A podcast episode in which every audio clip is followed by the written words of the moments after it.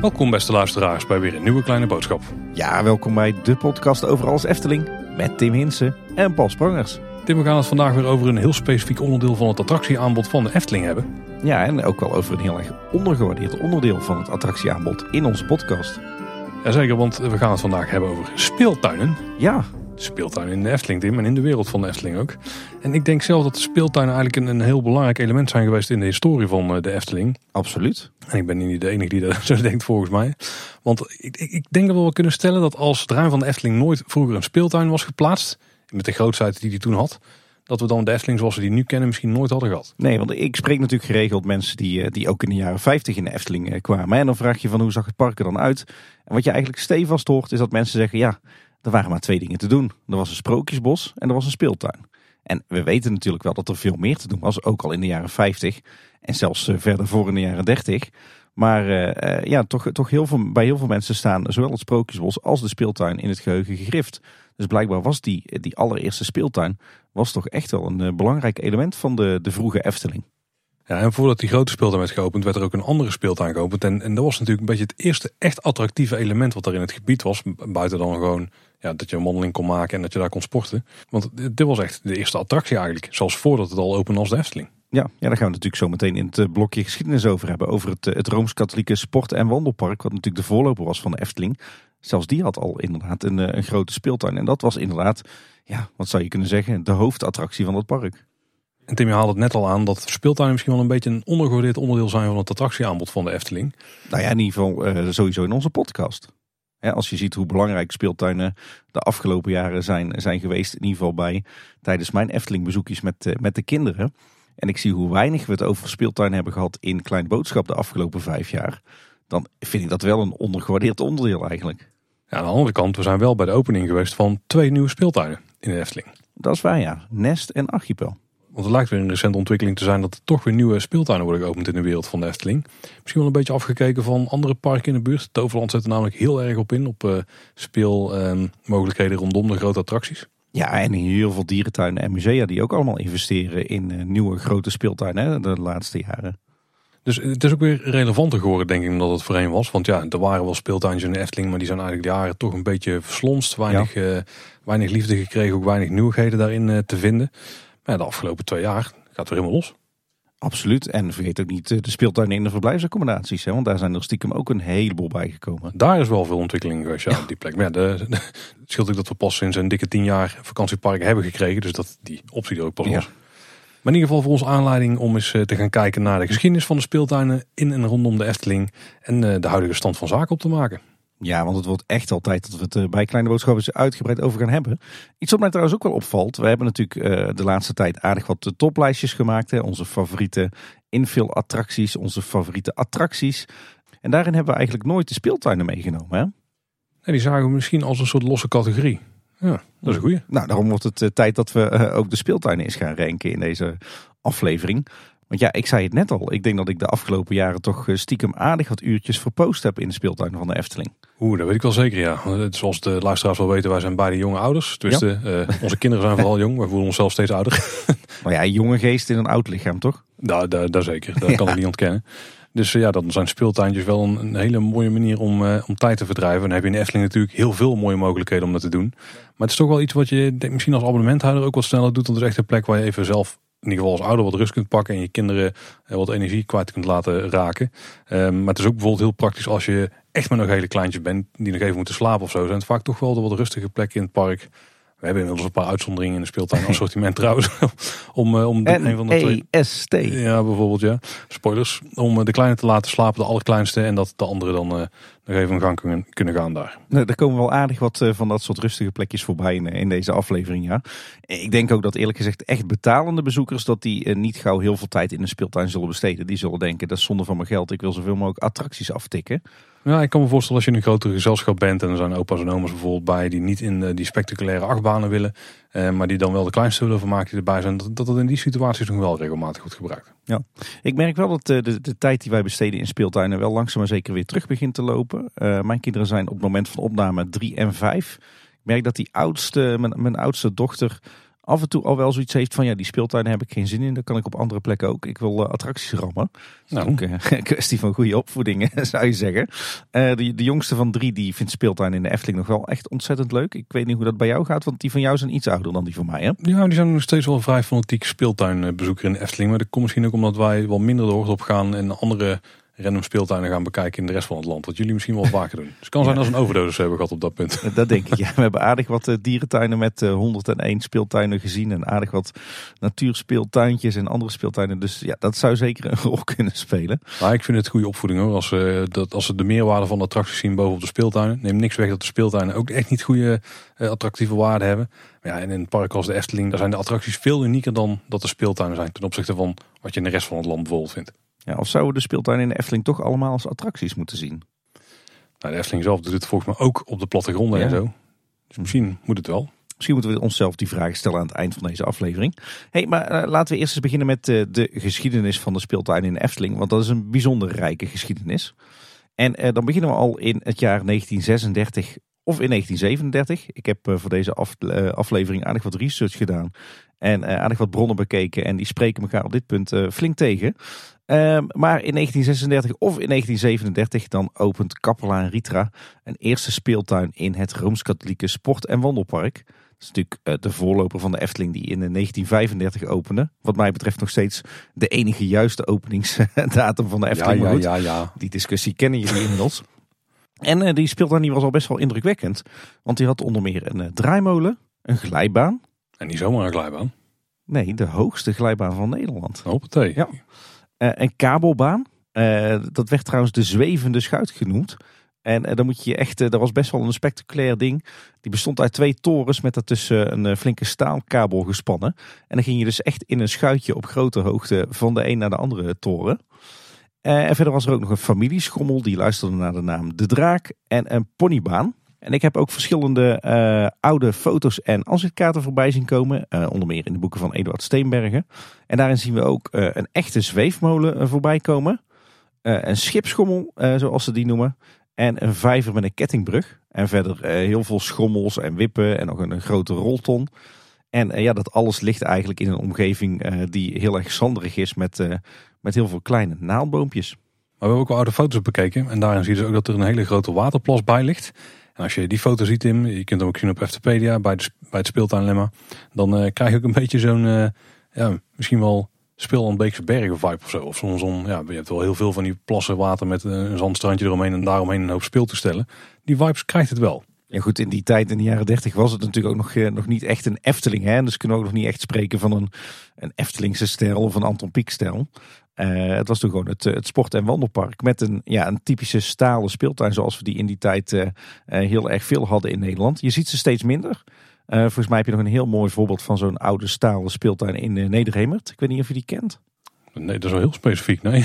ja, maar die, die zijn in de loop der jaren steeds meer verdwenen uit Nederland. Natuurlijk vanuit een stukje keuring en certificering en, en veiligheid. Maar dit was echt zo'n typische ouderwetse speeltuin. Hebben we dichter bij huis bij de Drie Linden ook niet zo een? Je hebt hem gelijk, dat is inderdaad ook een heel goed voorbeeld daarvan. Ja. ja. Iets kleiner, maar uh, dat is wat ik me voorstel bij een stalen klassieke speeltuin. Dat is inderdaad een heel goed voorbeeld van een klassieke speeltuin hier in de buurt, ja. Ja, een volgende stap die lijkt te zijn gemaakt in 1949. Toen was natuurlijk de tentoonstelling De Schoen. We weten in ieder geval dat toen ten hoogte van het huidige Lavelaar ook een speeltuin bestond. Of dat nou ja. dezelfde is of een uitgebreidere variant van degene die we daarvoor al hadden, dat is niet helemaal duidelijk. Maar in ieder geval, deze wordt ook regelmatig aangehaald. Ja, ja, als je de, de verschillende plattegronden over elkaar heen legt en, en ook foto's van uh, zowel de jaren 30 als uh, tentoonstelling De Schoen als de latere speeltuin, dan lijkt het erop dat de grote speeltuin van de Efteling altijd wel op dezelfde plek heeft gelegen. Namelijk op de plek waar we nu uh, natuurlijk het Lavelaar en ook speeltuin Kindervreugd vinden. het is niet zeker, want we hebben natuurlijk geen plattegronden van het Rooms-Katholiek Sport- en Wandelpark in de jaren 30 en 40. Uh, maar toch, als je wat foto's over elkaar heen legt, dan, dan lijkt het erop dat het altijd dezelfde plek is geweest. Maar de echte grote stap die vond plaats op 11 mei 1951. Een, een heugelijke dag, Tim.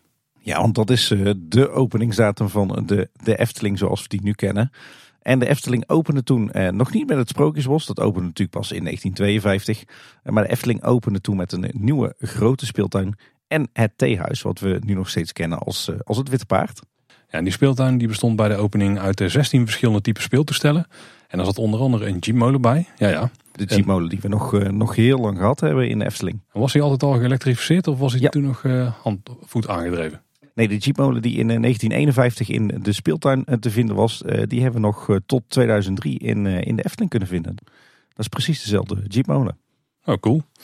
Eh, een elektrische zweefmolen was het toen al. Er waren drie glijbanen, 25 schommels, vier wippen, een familieschommel, een handmolen, een oceaangolf. Ja, dat is eh, zo'n zo'n hekshoedvormige eh, kegel die zo ja. rondje kan draaien en daarmee een golvende beweging kan maken. Die, die we nog steeds in de Efteling vinden, hè? Ja, zeker. Die staat nog in kindervreugd. Een draaiende schijf, roltonnen, twee kleine draaimolens, een klimrek en je kon apen kooien. Wat denk ik gewoon een parcours was met allerlei klimobjecten. Ja. Het is al een, een, flink indrukwekkende speeltuin. Als je 25 schommels nu kunt vinden nog ergens in een speeltuin, dan, dan heb je echt een gigantische gevonden. Een behoorlijke capaciteit eh, inderdaad, ja. Uh, die speeltuin werd trouwens ook meermaals uitgebreid. Uh, zo verschenen er in 1953 diverse schommelpaarden. En de EHBO-post werd geopend in de speeltuin. En ook die EHBO-post die kennen we tegenwoordig nog steeds. Alleen is ze nu ietsje verbouwd en uitgebreid. Dat is namelijk het leedhuis geworden in het Lavelaar deed nog lange tijd eh, daadwerkelijk dienst als EHBO-post. Nu natuurlijk niet meer. Nu is de EHBO-post verhuisd naar eh, de huidige plek tegenover de Zoete Inval. Maar dat gebouw dat eh, stamt echt daadwerkelijk uit 1953. Ik weet het niet zeker, maar is het daarmee niet een van de oudste gebouwen in de Efteling? In ieder geval een van de, maar misschien wel zelfs het oudste gebouwtje. Ja, na het verdwijnen van het originele huisje van vrouw Holle zou dat zeker wel eens het geval kunnen zijn, ja. ja. In 1954 ontstond aan de rand van de grote speeltuin het kinderspoor ook denk ik wel als een heel groot speeltoestel, een heel indrukwekkend speeltoestel eh, zien denk ik. Ja, dat kennen we natuurlijk als de traptreintjes die eh, tot 2000 op die plek eh, lagen naast de speeltuin en naast het Lavelaar. En die vervolgens in 2000 zijn verhuisd naar de huidige plek aan de Gondoletta-vijver. En vanaf dit jaar kunnen we de ontwikkeling ook op plattegrond in de gaten houden. En we zien daar op de plattegrond uit 54 dat, dat er in ieder geval een kinderspeelvijver was toen. Of dat nou dezelfde is als die er ook al in de jaren 30 lag, is niet helemaal duidelijk. Maar dat was het toen in ieder geval zeker een. Ja, in 1955 wordt eh, er ook een speeltuinplein aangelegd. En daarop vinden we ook eh, meer attractieve elementen zoals de ganzenhoedster, de stenen kip. Maar ook eh, het horecapunt in een Horen des Overvloeds. Ook een ponymanege, die heeft uiteindelijk nog tot 1986 in het park gestaan. En een classic inmiddels, de Anton Pieckmolen. Ja, stamt ook alweer aan 1955. En, maar de originele molen is zelfs nog ouder, hè, want die is door de Efteling gewoon ook opgekocht. En daarna worden er bijna jaarlijks nieuwe elementen toegevoegd in de omgeving. Zoals in 1956, dan verschijnt Ezeltje Strekje daar. Dus niet op de plek waar die nu staat aan het Routenplein, maar bij de speeltuin. Nee, daar verhuisde die in eh, de jaren 80 naartoe. Hè? Dan in 1958 Zwaankleef aan. Een jaar later vinden we Speeltuin Gijs, de allereerste hollebolle Gijs die in de Efteling verschijnt in de speeltuin. Ja. Dan in 1960 de gekroonde eend. In 1961, Tim, dan moet je hard sneller gaan kloppen. Dan ja. uh, komt de smulpaap daar te staan. Nog meer horeca in het aanbod. En in 1964 verschijnt de ponymolen. En dat is een, een draaimolen. En die heeft dus geen gemotoriseerde aandrijving, maar die wordt voortgetrokken door echte ponies. Gewoon door de levende ponies. Toen kon, toen kon dat nog in de jaren 60. Die is uiteindelijk in de jaren 80 buiten gebruik gesteld. Volgens mij is deze gesloten voordat ik überhaupt kans had om erin te gaan. Ja, die is volgens mij inderdaad gesloten voordat wij allebei geboren werden. Jij zei het al, in 1955 opende dus het speeltuinplein. In 1960 opende de Kleuterhof. Maar dan niet de Kleuterhof zoals we die nu kennen naast restaurant Panorama. Maar dit was eigenlijk een eh, speeltuin voor kinderen tot acht jaar. Dus met, uh, met speeltoestellen die voornamelijk geschikt waren voor de jongere kinderen. En, de Kleuterhof was te vinden op de plek waar we nu eh, ongeveer het nieuwe gedeelte van het Antropiekplein vinden. Dus zeg maar met de, de, de, nieuwe smulpaap, de ijswafelsalon en de grote zweefmolen. En wat vonden we terug in die Kleuterhof? Het grote kinderbad, uh, destijds al met de grote witte olifant. Uh, een zandbak, een volière blijkbaar, met, uh, met vogels denk ik dan. En heel veel wippen, schommels en klimrekken. die kleuterhof die verdwijnt grotendeels in 1990 als het Lavelaar wordt gebouwd. het kinderbad was eigenlijk het laatste restant van, van die kleuterhof. En die verdwijnt uiteindelijk in 2003 met de bouw van het nieuwe Antropiekplein met de nieuwe smulpaap misschien om een beetje een beeld te schetsen hoe die speeltuinen dan eruit zagen. Want misschien denk je nu bij speeltuinen aan uh, betegelde delen met uh, rubberen valtegels af en toe waar de speeltoestellen staan. Daar werkte zo dus niet vroeger. Bijna alle ondergrond was gewoon zand, ook vaak mulzand. Je kunt een beetje vergelijken met het huidige kleuterhof. En dan tussen hoge naaldbomen, daar stonden de speeltoestellen gewoon opgesteld. Ja. Met huidige kindervreugd krijg je ja, een beetje nog die vibes wel van vroeger. Ja, een klein beetje. Alhoewel in kindervreugd ligt natuurlijk nog echt, ligt nu tegenwoordig echt van dat speelzand. Ja, dat is wat, wat scherper geelzand, terwijl vroeger was het echt gewoon van dat typische Brabantse... Net wat er in de grond zat. Ja, van dat mulle stofzand, zeg maar. Met, eh, met heel veel grove dennen. Dus dat zijn die hele grove stammen met bovenin een uh, toefje groen. Een grote uitbreiding trouwens eind jaren 70. Toen werden in één klap de grote zweefmolen, de kleine zweefmolen en de vlindermolen toegevoegd. Dat waren ook allemaal molens die door Anton Pieck en natuurlijk de, de technische en creatieve mensen van de Efteling waren opgekocht van kermissen. En die naar een ontwerp van Anton Pieck ja, meer een Efteling sausje kregen die drie draaimolens die vinden we natuurlijk nog steeds tegenwoordig op het Anton Pieckplein. En in 1980 verscheen de fietsenmolen. Die heeft niet heel lang in de Efteling gestaan. Bij die fietsmolen zat je op uh, een beetje fietsvormige uh, objecten. Ja. Bijna steampunk uitstraling. en uh, die, die ging gewoon geautomatiseerd ronddraaien. Dus je hoefde zelf niet te fietsen. Maar blijkbaar waren er wat veiligheidsissues mee. Dus hebben ze hem na het plaatsing vrijvlot weer verwijderd uit het park. Maar hij heeft nog wel rondgetrokken over verschillende kermissen. Ja, en we vinden nog steeds een element van die uh, fietsenmolen in de Efteling. Want uh, bij die fietsenmolen zat uh, een draaiorgel, het Wellershausorgel. En die is door de Efteling bewaard en die staat nog altijd in een van de VIP-ruimtes boven in restaurant Panorama. En, en je kan die ook voorbij zien komen in de Tom van de Ven documentaire van de Vijf Zintuigen. Dan staat hij op de achtergrond. Die komt dus oorspronkelijk uit de fietsenmolen. Oh, cool. In de jaren 80 verdwenen er wat zaken uit de speeltuin. Zoals al eerder aanhaalde, Ezeltje Strekje die verdween toen. Maar ook de ponymanege en de ponymolen die verdwijnen.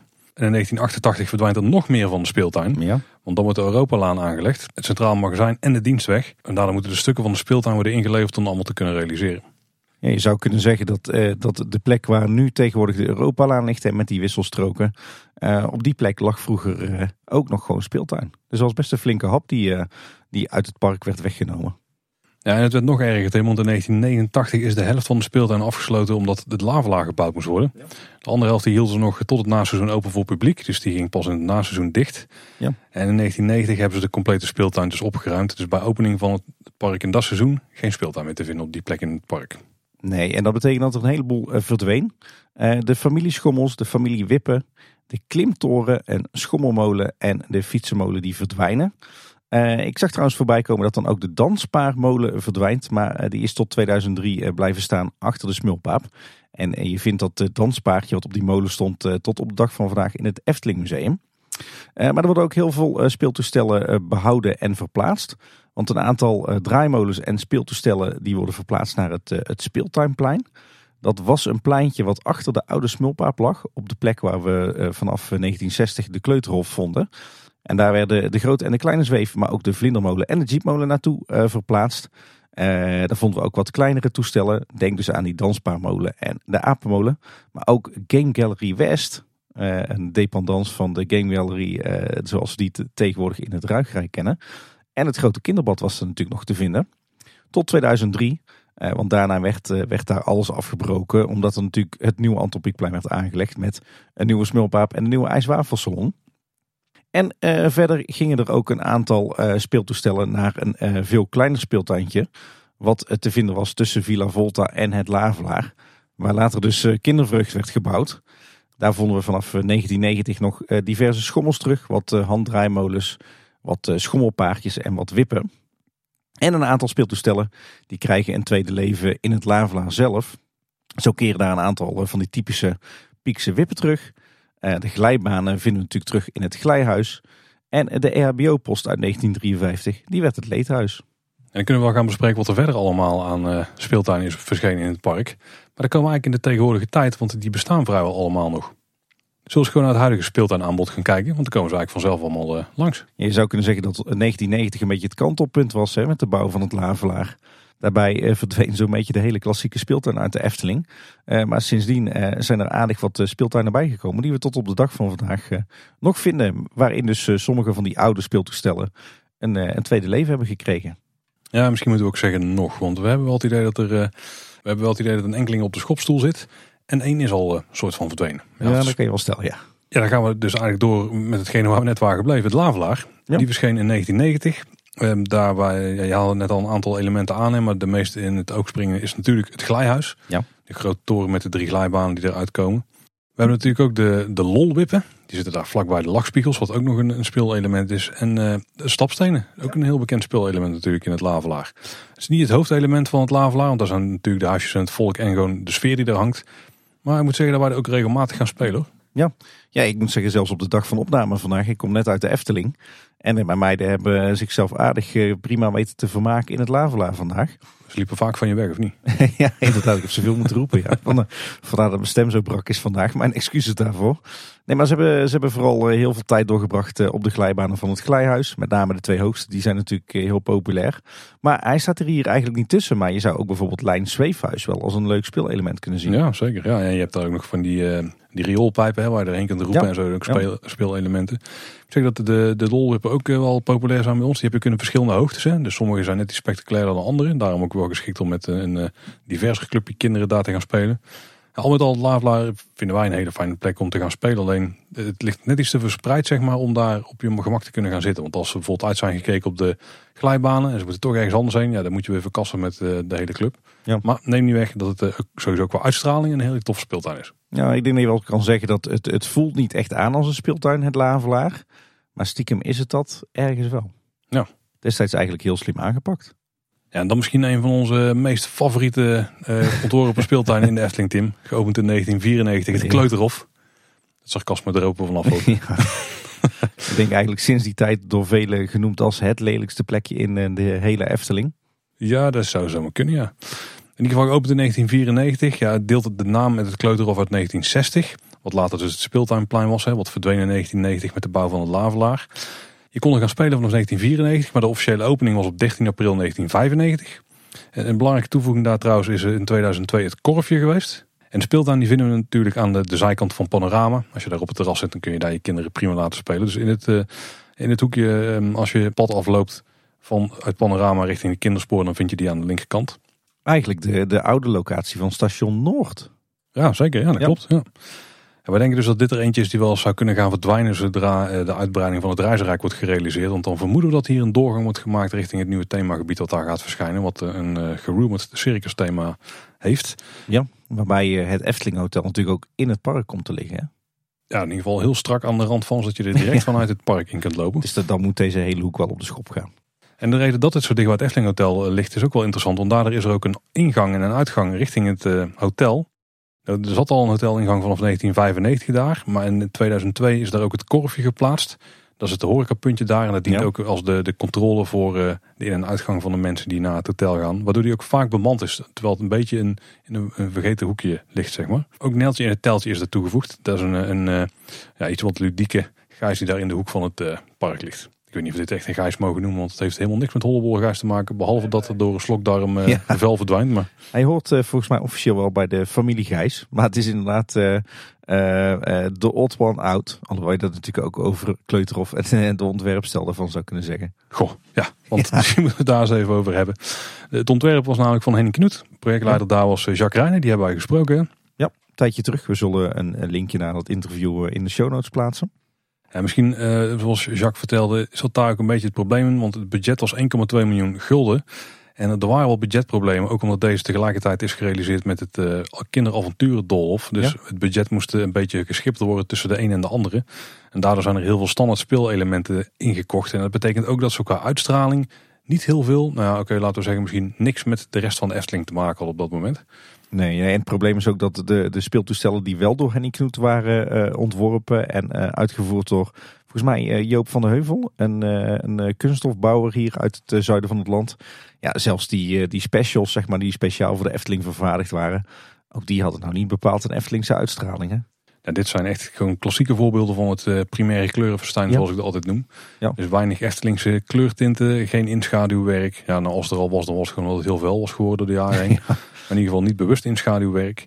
En ook qua vorm en zo, ja, gewoon heel, ja, heel simpel. Hè? Heel veel 3D-elementen, heel veel van die blow-ups. Hè? Dit Ja, heeft, eh, heeft eh, Henny Knoet niet heel veel goed gedaan, eh, deze speeltuin. Want daardoor kreeg je eigenlijk onder Efteling-liefhebbers meteen een hele slechte naam.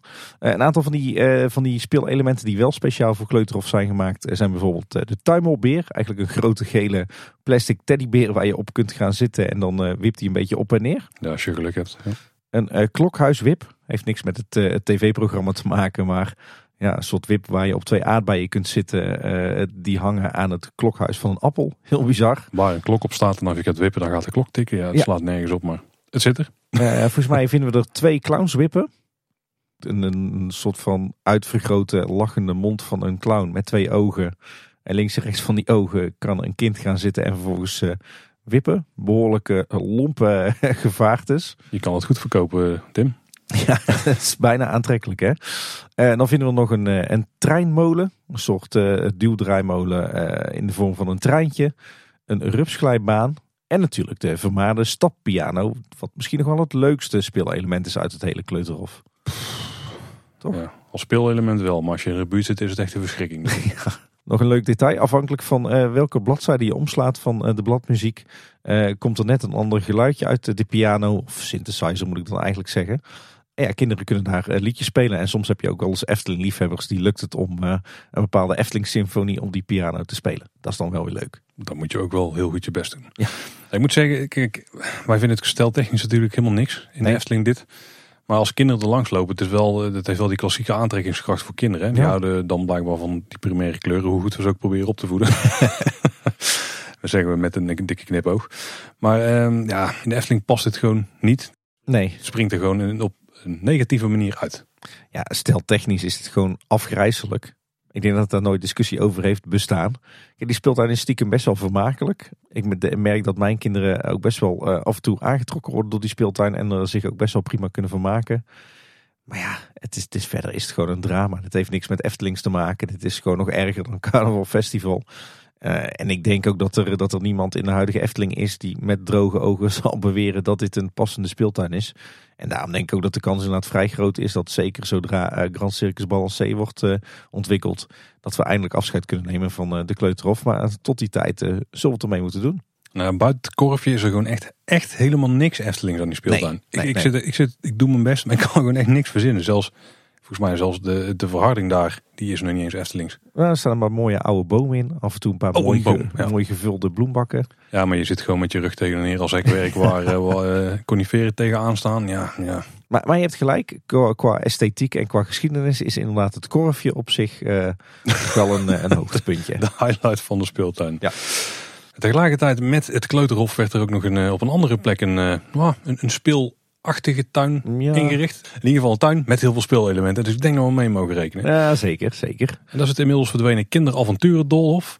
Is uh, verschenen naast Monsieur Cannibal. Ja. Besloeg een oppervlakte van 600 vierkante meter. Ontwerp was ook weer in handen van Henny Knoet. En de projectleider was er ook Jacques Rijnen. Zoals we net al zeiden, het budget werd, moest een beetje geschipperd worden tussen uh, dit project en ook het Kleuterhof. En daardoor uh, nou, op beide plekken een beetje ik weet niet, daar hebben ze niet het beste uit kunnen halen, vonden ze ook zelf, dan wat uh, erin zat. Nee. En die had vooral heel veel uh, uh, mooie wensen, die dan financieel niet heel interessant bleven als er dan nog meer dan één speelelement in moest komen in beide locaties. Maar uiteindelijk hebben ze met z'n allen het beste proberen te maken. Uh, het avonturendolof, ook een vreemde eend in de buiten in de Efteling. Ja, en toch stoorde mij die altijd minder dan het, uh, het kleuterhof. Voor. Ik denk omdat uh, het avonturendolhof natuurlijk voor het grootste gedeelte bestond uit groen en water. En een beetje die vreemde elementen ontrok uit het geheel. Maar je had er bijvoorbeeld wel een hele toffe brug liggen. En, en het huisje die past nog wel vragend bij Monsieur Cannibal, ook qua styling. Is niet voor niks nu blijven staan bij Archipel, hè? Uiteindelijk waren hier meer Eftelingse elementen in te vinden dan in het Kleuterhof. Dat was wel eh, duidelijk. Dat op zich is ook niet heel erg, uh, niet een heel grote prestatie natuurlijk. Uh, dat is ook wel weer waar. maar inderdaad, er waren heel veel speelelementen te vinden in het Dolhof. Er was een waterplas te vinden met luchtbubbels links en rechts van een bruggetje. we vonden er een kaleidoscoop. Die vinden we natuurlijk tegenwoordig terug in Speelbos Nest. Er was een touwbrug met uh, springend water. Toch wel, denk ik, uh, het hoogtepunt van het Dolf. Ja, zeker. Ja. Heel veel kinderen en ook ouders die kwamen zeiknat uit het Dolf met dank aan uh, dit springende water. Het was best wel een uitdaging om überhaupt die brug dro droog over te steken. Er was een betoverde poort te vinden die dan weer wel en dan weer niet open ging. Een raar soort drinkfontein die zo uit de openbare ruimte van een lelijke gemeente gevist leek te zijn. Er was een standbeeld van een Romeins figuur met een skateboard. Ja, als ze dan over bizarre onderdelen hebben, deze sprongen wel bovenuit, denk ik. Ja? ja, absoluut. En er was ook nog een soort van ruïne van een kerker te vinden, waarbij je door de tralies heen kon kruipen. Die waren namelijk niet van, uh, van metaal, maar uh, stiekem van, van rubber. En ja, zo vond je eigenlijk door het hele dolhof heen her en der wat, ja, wat vreemde objecten en wat speelelementjes. En dit gebied is uh, gesloten zoals we weten. Uh, de aankondiging van de sluiting was op 24 juni 2021. En op 5 september 2021 is het kinderavonturen gesloten. Heeft uiteindelijk natuurlijk plaats moeten maken voor Archipel. Maar daar komen we daar nog even langs. Ja, ja en het, het sloot uiteindelijk met name vanwege problemen met onderhoud. Of althans, het onderhoud was gewoon heel erg kostbaar. Want die conifera hagen die hadden flink wat te lijden. Enerzijds vanwege kinderen die door de hagen heen kropen als ze de weg niet meer terug konden vinden. En anderzijds natuurlijk van het, het droge en warme weer van de laatste paar zomers. Uh, dus dat vergt heel veel onderhoud. En verder ook de, de, de bestrating en dergelijke. Uh, daar ging heel veel onderhoud in zitten. En daarom heeft de Efteling uiteindelijk gezegd: we stoppen met een Dolhof. Ergens wel jammer, want ik vind een, uh, iets als een klassiek Dolhof erg passen in het attractieaanbod van de Efteling. Maar ook wel weer begrijpelijk, inderdaad, uit, uit oogpunt van onderhoud, dat die, dat die weg moest. En we hebben natuurlijk iets heel moois voor teruggekregen. Ja, dat zeker. En dan moeten we misschien gaan kijken naar, misschien een piepklein speeltuintje, wat niet eens officieel een naam heeft voor zover ik weet. Nee, want niet eens inderdaad uh, officieel op de plattegrond staat of ook niet als speeltuin is gecategoriseerd. Maar het stiekem wel is en uh, in ieder geval wel een van de meest rustige plekjes van de Efteling. Misschien wel het rustigste plekje van de Efteling. Ja, want het Anton Pieckplein heeft een, een uitloper. Ja. Een beetje de hoek om bij het Lavelaar. Ja, want daar vinden we een van de paardenmolens die nog in de Efteling staat. En een setje wippen. Verder is het eigenlijk een, eh, een, klein groen gebiedje met een, paar wandelpaden eromheen. Ook wat bankjes waar je op je gemak kunt zitten. Inderdaad een van de rustigste plekjes in de Efteling. Ja, er staat een, eh, een prachtige beuk. En het is ook ideaal als je een, eh, een baby hebt of een, of een dreumes of een peuter die nog een middagslaapje moet doen. Want dit is de plek waar wij onze kinderen altijd te slapen hebben gelegd tussen de middag. Of waar je een podcast moet opnemen, kunt opnemen als je het een beetje rustig wil hebben daar is het inderdaad ook een prima plek voor. Want volgens mij hebben wij hier ook geregeld eh, een aflevering van Kleine Boodschap opgenomen. Ja, zeker. Ja. Overigens is dit natuurlijk de, de, de plek waar voorheen het kinderspoor eh, was te, te vinden. Voordat dat verhuisde richting eh, Gondoletta Vijver. en ja, hoe kom je er nou? Of je, je loopt vanuit de, de nieuwe smulpaap richting het Lavelaar. Of vanuit het Lavelaar loop je bij het Larikoekerhuis en het, het, het Glijhuis het, het Lavelaar uit. En dan kom je in, eh, in dit eh, groene hoekje. Overigens was het eh, hier lang niet altijd zo rustig. Want tussen 2000 en 2003 was hier in het midden de Vermolenmolen te vinden. Die draaimolen is daarna natuurlijk verplaatst naar het, het Anton Pieckplein bij het Witte Paard. En in 2008 stond hier Circus Anton Pieck. Wat natuurlijk thematisch een ideale plek is voor zo'n zo'n klein circus. Ja, aan de rand van het dorp eigenlijk. Ja. Een heel erg onbekend, maar leuk plekje dit. 2002 een, een grote verandering in het aanbod van de speeltuinen in de Efteling.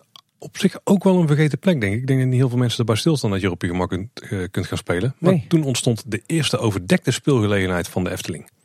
En dat is het dierenbeeld bij Pandadroom. Ja, overigens niet de eerste uh, overdekte speelgelegenheid in de wereld van de Efteling, hè, maar wel in het park zelf. Oeh, daar komen we dadelijk bij. Ja. Dat is een andere categorie die we dan moeten behandelen. De dierenwereld bestaat uit een aantal eh, subgebieden. Uh, we hebben het poolgebied, daar kun je onder andere glijden. Je hebt een onderwaterwereld, die is qua speelelementen is hier wat beperkt. Ja. Je kunt een beetje roeien en rondomheen lopen. er is een junglegebied, dat is misschien wel het meest uitgebreide speelstuk nog. Met een, een soort klimparcours wat je kunt afleggen, waar je verschillende plekken naar buiten kunt heel uitdagend voor uh, zowel de kinderen als voor de, de begeleidende ouders, uh, kan ik uit ervaring stellen. En die vind ik ook nog verrassend groot. Ik ben, ben er een paar keer naar boven gemoet om uh, de kinderen een beetje te begeleiden. Maar je hebt echt superveel verdiepingen en ruimte om nog wat te kunnen doen. En dan hebben we als laatste nog het savannegebied. En daar heb je vooral wat de tunnels waar je erheen kunt als een, als een echt stokstaartje. Ja, weet je, termietenheuvel volgens mij, hè, met bovenop een animatronic van de leeuw en een paar stokstaartjes als je goed zoekt. Ik zie mijn kinderen altijd een beetje als stokstaartjes daarheen gaan. In het gebiedje ook een paar animatronics. Dat vind ik zelf uiteraard heel cool.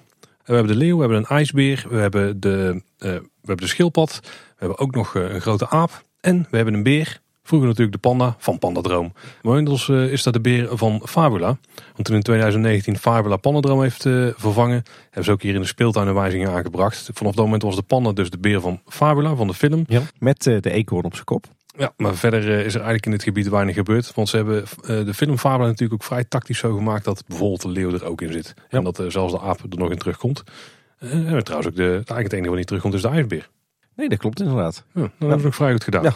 Nou, nou is het hele gebied zelf trouwens ook nog wel vrij attractief. Want de, de, vroeger was het misschien nog wel, wel meer te waarde, wel interactieve nou ja, er was in ieder geval een tijdje kon je daar interactieve elementen beleven. Dus er waren allerlei schermpjes waar je spelletjes kon doen, waar je foto's kon maken. En je hebt nog, die kon je naar, je naar jezelf mailen. Je kon een soort zelf je afval een letteren maken. En uh, dan kon je je mailadres invoeren. En dan kreeg je een mailtje van 2NF thuis. Nou, daarbij wel een, een, hele grote disclaimer dat dit was zolang het werkte. Wat niet zo heel lang is geweest overigens. je kunt ook allerlei ehm, ruimtes in. En op een paar plekken nog projecties. Waaronder eentje die interactief is hè, met ehm, de vissen in de vijver. Al werkt die ook nog maar zeer beperkt tegenwoordig. Ja, weet je trouwens dat dat niet in het oorspronkelijke ontwerp zat? Want wat zat er op die plek toen Pannendroom opende? Ja, zat er ook zo'n soort springkussen ding Daar zat een waterbed. Een waterbedje, oeh. De geschiedenis herhaalt zich. Ja, maar die zit, dat is wel een vreemde plek, want die zit er ook bij een soort nooduitgang. Die zit volgens mij aan het einde van die, uh, van die ijsschot, zeg maar, die daar ligt. Ja, klopt inderdaad. Ik weet wel dat het waterbed in eerste instantie is, uh, is vervangen door die, uh, die interactieve projectie met die vissenvloer. Maar wellicht dat die projectie later is verhuisd richting die uithoek daar bij de nooduitgang naast de ijsschots. Maar het was in ieder geval van oorsprong zo'n waterbed zoals we, zoals we later ook nog in Speelbosnest hebben geprobeerd. Nou is het overigens zo dat er wel een paar dingen zijn weggehaald. Ook met de, eh, de omkat naar Fabula, zeg maar. Want je had daar nog een, eh, een soort bamboehuisje waar je in omhoog kon klimmen. Gewoon via een trap. Maar daaronder stond ook nog een, een onbedoeld speeltoestel. Ja. Waar ze ook een bordje bij moeten zetten dat je absoluut niet op moest gaan klimmen. Maar daar stond een van de, de Wereld Natuurfonds uh, jeeps of 4x4's.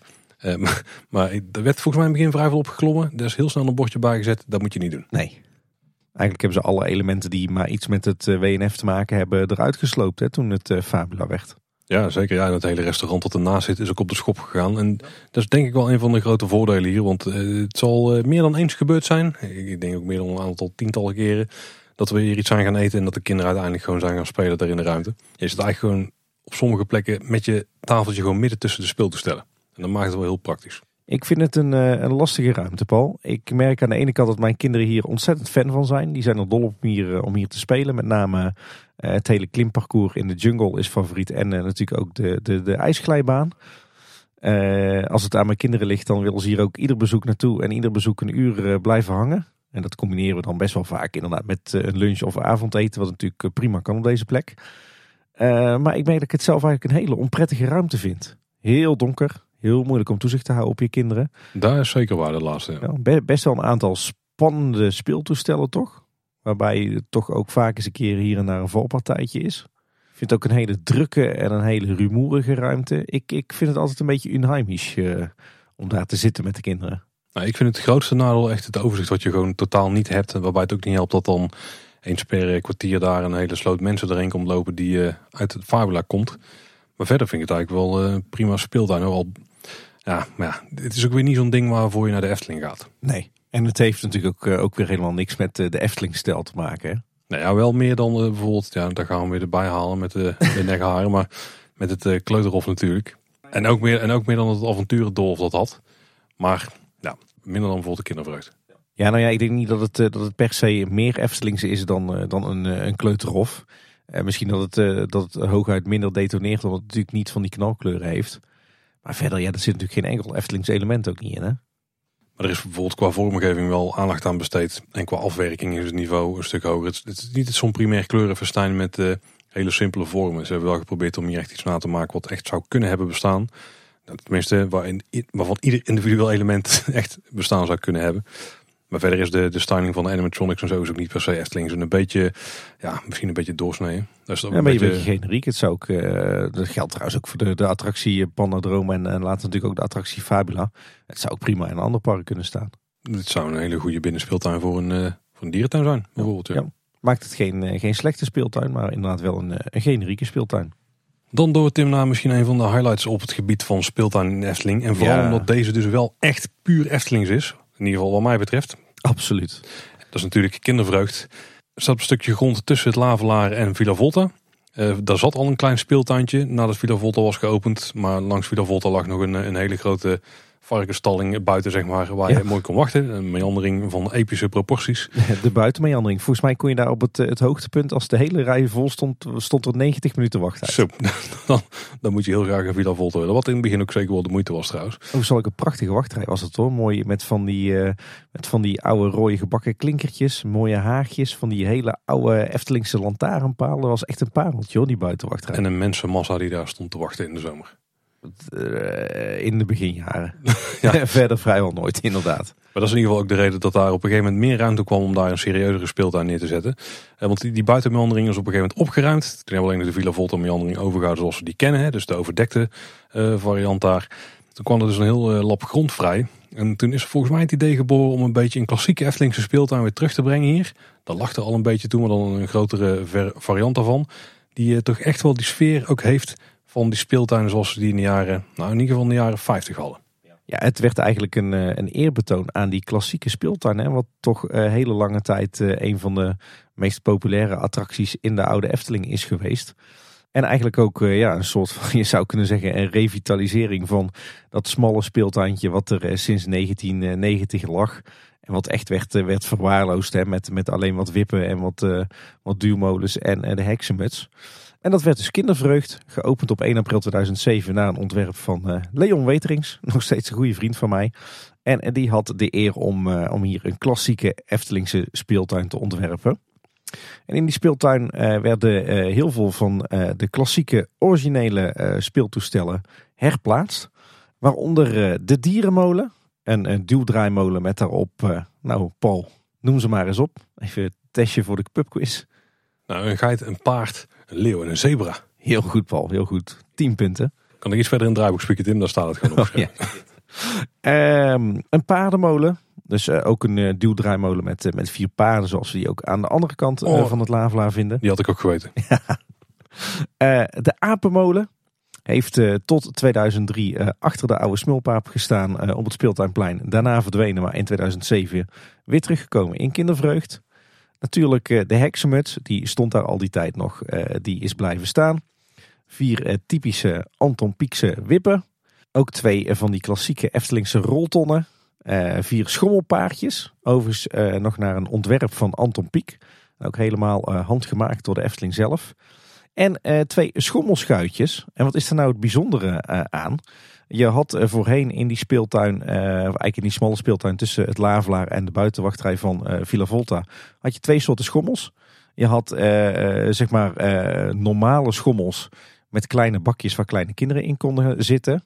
En je had ook schuitjeschommels. Dat was een, een origineel speeltoestel uit de oude speeltuin van de jaren 50. En dat waren, was een hele hoge schommel. Uh, die bestond uit van die hele grote schuiten waar je uh, zelfs met twee volwassenen in kon gaan staan. En daar kon je enorm hard mee op en neer schommelen. Bijna. En daarmee kwam je ook ontzettend hoog. Dus dat was stiekem ontzettend gevaarlijk. Zowel voor de mensen die uh, in de schommel zelf zaten als voor eventueel kinderen die voorbij kwamen lopen. Is wel grappig trouwens, want het, het icoontje op de plattegrond voor speeltuin op plattegronden uit de jaren 70 en 80 is uh, een uh, pieksfiguur met een hoge hoed en een slipjas in zo'n schuitjeschommel. Oh, ja. Let daar maar eens op. Eigenlijk al die schommels die zijn afgekeurd en die zijn dus ook verdwenen bij de opening van Kindervreugd in 2007. en als een soort eerbetoon hebben ze twee van die schuitjes van die originele schuitjeschommels hebben ze gewoon zeg maar in het zand geplaatst. En dat fungeert nu een beetje als, als wipkip zeg maar. Ja, er zitten wel wat veer onder hè? Ja, er zijn ook wat nieuwe toestellen bijgeplaatst. Zoals een eh, speelhuisje met glijbanen, vier schommels, een klimrek, ook een evenwichtsbalk. Die is wel interessant, dan kun je in het begin kun je nog vasthouden. Maar op een gegeven moment loopt die uit in het niks timmen. Dan moet je echt je evenwicht houden. Ja, lukt jou dat een beetje, Paul? Ja, soms wel. Als ik mijn hand uit mijn zakken haal, dan gaat dat een stuk beter in ieder geval. Doe je dat ooit? Ik heb het toevallig een week of twee geleden nog gedaan. Ja, goed man. Drie boksprongpaaltjes. Er zijn van die, uh, dus gewoon palen waar je, waar je van paal naar paal kan springen hebben ook vier verende stapstenen. Dus zijn wel van die grotere plateaus die op een veer staan. En uh, drie rekstokken. Ja. Allemaal vrij klassieke speelelementen. Uh, klassieke speeltoestellen, maar wel in een uh, nieuw jasje. Uh, natuurlijk vooral om te kunnen voldoen aan, aan de keuringen. Want er worden natuurlijk tegenwoordig veel strengere eisen gesteld aan speeltoestellen dan, dan vroeger. Ook zoveel mogelijk ontworpen in die originele stijl. Is niet, niet altijd in de uitvoering helemaal goed gegaan. En maar ik denk dat het, dat het zeker niet detoneert in die speeltuin. En dit is een speeltuin die qua, in ieder geval die uitstraalt wat ik qua sfeer mezelf voorstel bij hoe de speeltuinen vroeger waren in de Efteling. Dus uh, zoals we net al zeiden, er ligt zand op de vloer. Heel zaand. Heel, inderdaad, uit loon op zaand. Nee, dat weten we niet waar het vandaan komt. Maar het zou zo uit de duinen kunnen komen. Dit is echt uh, wit zand. Dat is dus anders dan het zand wat, uh, wat er vroeger lag. Want dat was gewoon een kapot gelopen bosgrond, zeg maar. Ja. maar wel met vergelijkbare hoge, hoe noem jij het net zo mooi Tim? Grove dennen. Grove dennen, oh ja. Dat is overigens echt een soortnaam, dat is geen bijnaam. Moet het wel even bij de vakterm houden dan. Dat is natuurlijk ook wel praktisch denk ik voor de keuring. Want dan maakt het, eh, het vallen zachter als je dat, dat doet. En Zeker. En er zijn best wel dingen waar je vanaf kunt vallen. Ja, en, en vergis je niet, want eh, volgens de, vanwege het speeltuinbesluit en de keuring heeft ieder speeltoestel in zo'n speeltuin heeft een, eh, een zogenaamde valcirkel. Dus dat betekent dat er in een plattegrond een cirkel wordt, eh, wordt getekend die, eh, die helemaal valveilig moet zijn. Dus dat betekent dat alle bomen in die cirkel of in dat, dat gebied moeten worden gekapt. Er mogen geen obstakels staan, geen bankjes, geen prullenmanden. En het moet volledig eh, zand of valdempende ondergrond zijn. Ik vermoed dat ze niet eerst een cirkel trekken en dan de bomen binnen die cirkel gaan kappen, maar dat ze de toestellen gewoon verplaatsen. Als het past wel. Maar dat is natuurlijk altijd een gigantische puzzel. En aan de rand van deze speeltuin, want er ligt eigenlijk eh, in zijn volledigheid een, eh, een pad omheen, een verhard pad. Dus je kunt er ook heel makkelijk met je kinderwagen rondomheen Ja. eh, bewegen. En er staan wel bankjes langs. Maar aan het eind van de speeltuin was Baby Gijs geplaatst in 2007. Tim, gaan we het nog een keer herhalen? Ja, het is de reïncarnatie van de oude babygijs die natuurlijk uit 1969 eh, kwam. En uiteindelijk in 2000 is verdwenen uit het park. want babygijs stond altijd bij het kinderspoor. Aan de andere kant van het Lavelaar. Het kinderspoor verdween daar en toen is ook babygijsje daar verdwenen. Eh, uiteindelijk eh, wilde men babygijsje opknappen om weer terug te plaatsen in het park. Dat ging niet helemaal goed, op zijn zachts gezegd. Het resultaat daarvan vind je tot op de dag van vandaag nog terug in het Efteling Museum. Maar gelukkig werd er bij de bouw van Kindervreugd in 2007 budget vrijgemaakt om Gijsje opnieuw te modelleren. En vandaar dat we dus uiteindelijk toch weer baby terugvinden in Efteling. Eh, voorheen zat hij eigenlijk op een heel simpel eh gematst sokkeltje. Maar nu heeft hij eh, ja, eigenlijk een heel huisje gekregen. Hè? Ja, inderdaad. Ja. Als we dan toch een beetje in het afvalsfeertje zitten van deze speeltuin. Er is ook nog iets bijzonders met de prullenmanden hier. Ja, inderdaad. Nou ja, niet zozeer met de prullenmanden zelf. Maar we vinden natuurlijk op heel veel plekken in de Efteling boven de prullenmanden een bordje van een klein duimpje. Maar op twee plekken in Efteling is er een uitzondering voor gemaakt. Zo heeft Michel den Dulk ervoor gezorgd dat er in het Lavelaar bordjes van een larfje boven de rietenmanden kwamen te hangen. En hier in eh, Kindervreugd is dat een melkmeisje nog naar een, eh, een origineel ontwerp van Anton Pieck. Nou, cool detail. Ja, en we hebben het er al heel de tijd over. Hè, dat, dat deze eh, dat kindervreugd een eerbetoon is aan de oude speeltuin en aan heel veel oude elementen. Zoals babygijs en het melkmeisje. Maar er is nog een reïncarnatie te vinden in kindervreugd. Oeh. Nou Tim, Bram maak me los. Ja, en eh, dat is eh, de toegangspoort tot kindervreugd. Die ligt aan het pad, eh, zeg maar vanaf het Antropiekplein richting de Sint-Nicolaasplaats en de Tom van de Ventplein. Echt zo'n typisch Eftelingse poort. Gemetseld van ijsselsteentjes met een mooie houten poort ertussen. En op die twee kolommetjes van metselwerk, daar vinden we beeldjes. En dat zijn niet zomaar beeldjes, dat zijn een, een mannetje en een vrouwtje die allebei een perkamentrol vasthouden. De een met het woordje kinder en de ander met het woordje vreugd. Eh, en dat zijn replica's van eh, hele oude klassieke beeldjes die we vonden op de poort van eh, speeltuin Kleuterhof. En dan niet de Henny Knoet versie uit 94 naast Panorama, maar dus het Kleuterhof uit 1960. Zeg maar de speciale speeltuin voor kleine kinderen naast de grote speeltuin. De originele beeldjes daarvan die zijn te vinden in het Efteling Museum in een van de vitrines daar. Zijn overigens wel wat platter dan de huidige beeldjes. Maar speciaal voor eh, kindervreugd werden dus twee nieuwe beeldjes gemodelleerd. Wel naar het originele ontwerp van Anton Pieck. En, en met een net iets andere tekst. Maar ook dit is dus weer een eh reïncarnatie van eh, mooie originele elementen uit de Efteling historie. Ja, nou, cool. En dan misschien een beetje een vreemde eend in de bij, Tim. We hebben erover gediscussieerd, moeten we meenemen, maar toch gedaan. Want er heeft eh, tijdelijk een heel klein piep, nou we mogen zelfs wel piepklein speeltuintje gestaan op een hoekje van het Dwarrelplein. Ja. Namelijk van 2007 tot en met 2009 onder de naam Sprookjeswaterpret. En eigenlijk bestond het uit een paar eh, begroeide bogen. Met daarin eh, de Bukse sprookjesfiguren, zoals we die ook kennen, zoals ze bij het hotel hebben gestaan bijvoorbeeld. En, en speelelementen hier waren eigenlijk wat de fonteintjes, wat bedriegertjes die daar eh, tussen geplaatst waren. En die op verschillende momenten dan eh, afgingen. Zeker in de zomer was het een plek waar heel veel kinderen tussen die begroeide bogen doorrenden. Eh, waarschijnlijk in eerste instantie aangetrokken door die sprookjesfiguren in, eh, uitgevoerd in Buxus.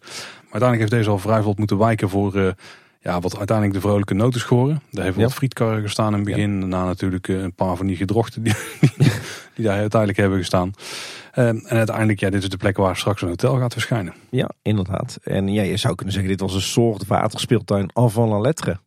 Paul, dan heb ik nog een strikvraag voor jou. Want wat was eerder te vinden op die plek? Op die plek. Ja. Ja, een parkeerplaats, maar dat bedoel je denk ik niet. nee, in de tijd dat het al wel een dwarrelplein was. Dat er wel een dwarrelplein was. Dit wordt niks bij eh, de volgende vijf Nee. Dat wordt helemaal niks.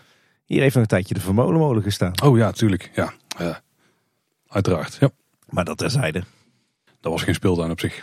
nee. Ja, een beetje eigenlijk in dezelfde trant hebben we nog zo'n uh, zo'n waterspeeltuin in de Efteling, Tim. Al sinds 2012. En die is er nog steeds. En die is er nog steeds, ja. Wordt vaak over het hoofd gezien, denk ik, als uh, speelelement. Maar er wordt het echt veelvuldig voor gebruikt. Zeker op warme dagen. En dat is de watertafel aan de Pardoespromenade. Ja. Die vinden we eigenlijk gewoon strak tegenover, nou, ligt er net aan hoe je het kijkt, maar tegenover Polskeuken of tegenover Symbolica. Maar in ieder geval dat verhoogde plateau daar, met de fonteintjes die daar recht omhoog schieten en de ledverlichting. Het is een plek waar in de zomer ook heel veel kinderen gewoon doorheen spelen en inspelen. Ja, overslag deze bakker al uh, bij de bouw van de Pardoespromenade in 2000. Alleen toen was het uh, eigenlijk gewoon een vijverbak met fonteintjes erin, zoals we die nu nog eentje vinden net iets eerder op de Pardoespromenade. Maar in 2012 is het omgebouwd tot uh, speelelement. Met name denk ik populair bij kinderen van abonnementhouders. Die, die weten dat dit element er is en dat die fonteintjes aanstaan in de zomer. Waardoor de ouders ervoor kiezen om zwemkleding mee te nemen of een extra setje kleren. Want als je kinderen op deze watertafel gaan spelen, dan worden ze echt zeiknat. Ik moet zeggen dat mijn kinderen in ieder geval een groot fan zijn van deze watertafel. Want we moeten ze er uh, vaak van weerhouden als ze er niet op voorbereid zijn om door de fonteintjes heen te rennen. Maar als we wel voorbereid zijn en we hebben bijvoorbeeld een UV-pakjes bij, dan mogen ze op warme zomerdagen altijd lekker even een, een half uurtje door de waterstralen heen rennen. En gewoon echt van top tot teen zeiknat worden. Ja, ze zijn zeker niet alleen. Nee. nou, in 2007 was dus de laatste grote speeltuin in de Efteling verschenen. En daartussendoor hebben we dus twee nou, waterachtige speeltuintjes ja. wel gehad. Het duurde tot 2021 voordat er een grote nieuwe speeltuin toevoeging in de Efteling kwam. Een echt een grote nieuwe speeltuin toevoeging in de ja. Efteling. Namelijk uh, Nest het speelbos in het Ruigrijk. Ja, en we weten allemaal nog hoe we het eigenlijk moeten uitspreken. Hè? Ja, ja, ja, ja. Ga je het onze luisteraars aan doen, Tim? Nest! Mijn belabberde stem vandaag uh, is het, uh, het effect extra goed, ja. De opnameapparatuur is ook uh, dankbaar. Hey Nest, ja, we hebben, we hebben er al heel veel over gepraat. We hebben er ook een, een aflevering over gemaakt. Aflevering 218. Toen het speelbos net open was. Het was een groot project. Het kostte ja? 2 miljoen. Het ontwerp is van Robert Jaap Jansen, maar in samenwerking met Stichting Het Gehandicapte Kind en Mark de Hond. Want het hele idee achter de speeltuin is dat het een inclusieve speeltuin is. Dus ook voor kinderen met een, uh, met een lichamelijk handicap of misschien een visuele handicap. Uh, er is ook een prikkelarm gedeelte. Uh, geen overbodige luxe overigens in deze speeltuin, want die kan er al schreeuwerig overkomen. Prikkels genoeg, ja. En een aantal van de speeltoestellen zijn er ook echt op ingericht. Zo is er een, een, een glijbaan waar een transfermogelijkheid is voor als je een rolstoel, in een rolstoel zit. Uh, er was een waterbed waar dus ook de kinderen die uh, niet mobiel waren er wel op konden gaan liggen en konden gaan spelen. Dat is wel inmiddels verwijderd, Tim. Maar daarnaast is hier echt enorm veel te doen en is een enorm drukke bende. Daar gaan we daar even snel doorheen lopen, want dat hebben we al heel uitgebreid gedaan in die aflevering. De speeltuin ging open op de verjaardag van de Efteling, 31 mei 2021. Het is een doorontwikkeld plan van ja, wat vroeger bekend stond als de Ruigrijk Arena. Ja. En toen had het nog, nog iets meer attractieve elementen moeten hebben. Zoals nou, op zijn minst één in sommige uitvoeringen van de plannen zelfs twee um, attractiemodus. Van die typische Zamperla modus, zeg maar, wel gemotoriseerd. Dus het, had nog, het was misschien nog wat ambitieuzer. Maar we vermoeden dat hier een, een bepaalde gezondheidscrisis wat goed in het eten heeft. Ja, inderdaad. Ja, het zou eigenlijk een soort uh, middeleeuws dorp worden. Hè. Dat natuurlijk qua thema ook aardig aansluit bij Joris en de Draak. En uh, volgens mij was het een soort ridderkamp toch, waar kinderen konden, konden trainen om de strijd aan te gaan. En dat sloot dan ook mooi aan bij het boek De Redders van Ruigrijk. Uh, geschreven door de inmiddels overleden uh, auteur Mark de Hond. En het boek is uiteindelijk wel uitgegeven, maar ja, de, de thematiek en het verhaal van het speelbos sluit natuurlijk niet meer aan op dat, dat boek. Nou, het hele idee van het speelbos is in ieder geval dat het bestaat in de echte wereld. Hè, zoals ik het toen al omschreef. Het is geen fantasieverhaal. Er is geen uh, nieuwe wereld bedacht zeg maar, voor die speeltuin. Maar hij bevindt zich echt in het Ruigrijk. En de kinderen die niet in alle grote attracties mogen, die hebben allerlei elementen gegut uit de rest van uh, het Ruigrijk. Om daar een beetje ja, op hun manier en voor hun geschikte speelelementen te maken. In de thema's die we ook vinden in het Ruigrijk. Een beetje algemene elementen die je in het, het hele speelbos vindt zijn bijvoorbeeld een vlonderpad. Of vlonderpaden eigenlijk. Bestaan uit verschillende delen. je hebt wat bedriegertjes, dus van die waterstralen die uit allerlei objecten op het pad spuiten. In het midden lag een soort centraal waterbed voorheen. Er lijkt nu een soort kompasroos in van zo'n speel, zo'n zachte speelvloer gemaakt te zijn. Ja, en eigenlijk vind je in de hele speeltuin zo'n zo'n speelvloer hè, van zo, die valdempende ondergrond. Daar is een heel pad mee gemaakt zodat de hele speeltuin toegankelijk is voor kinderen in rolstoelen. En maar daartussen vind je toch nog een behoorlijke hoeveelheid zaad. Want uiteindelijk heb je zeg maar van een centrale pleintje drie uitlopers. En iedere hoek heeft zijn eigen eh, met zand bedekte stuk. Als we binnenkomen en we gaan naar links, dan hebben we daar het Vliegende Hollander gedeelte. Daar ligt een groot scheepswrak, daar heb je kanonskogels waar je tussen kunt springen. Uh, die kanonskogels liggen al in het speelzand bijvoorbeeld. Er hangen ook wat speelborden aan de rand van het uh, gebied. Er zijn dingen als een stuurwiel, er is een bel, de kaleidoscoop, die we nog kennen van het avonturendolf, die staat daar. opgelet. Uh, of de telescoop, zoals veel mensen die noemen. En er zijn wat klimtorens en er zijn netten en et cetera. Je kunt daar gewoon heel veel klimmen en klauteren. En, ook als je alleen het vlonderpad zou volgen, dan kom je een hoop speelelementen tegen. Als we nu recht doorgaan zodra we binnenkomen, dus als één eh, uitlopen verder, dan komen we bij het Joris en de Draak eh, onderdeel. Daar heb je bijvoorbeeld die glijbaan staan eh, met die transfermogelijkheid, maar er is ook een grotere glijbaan.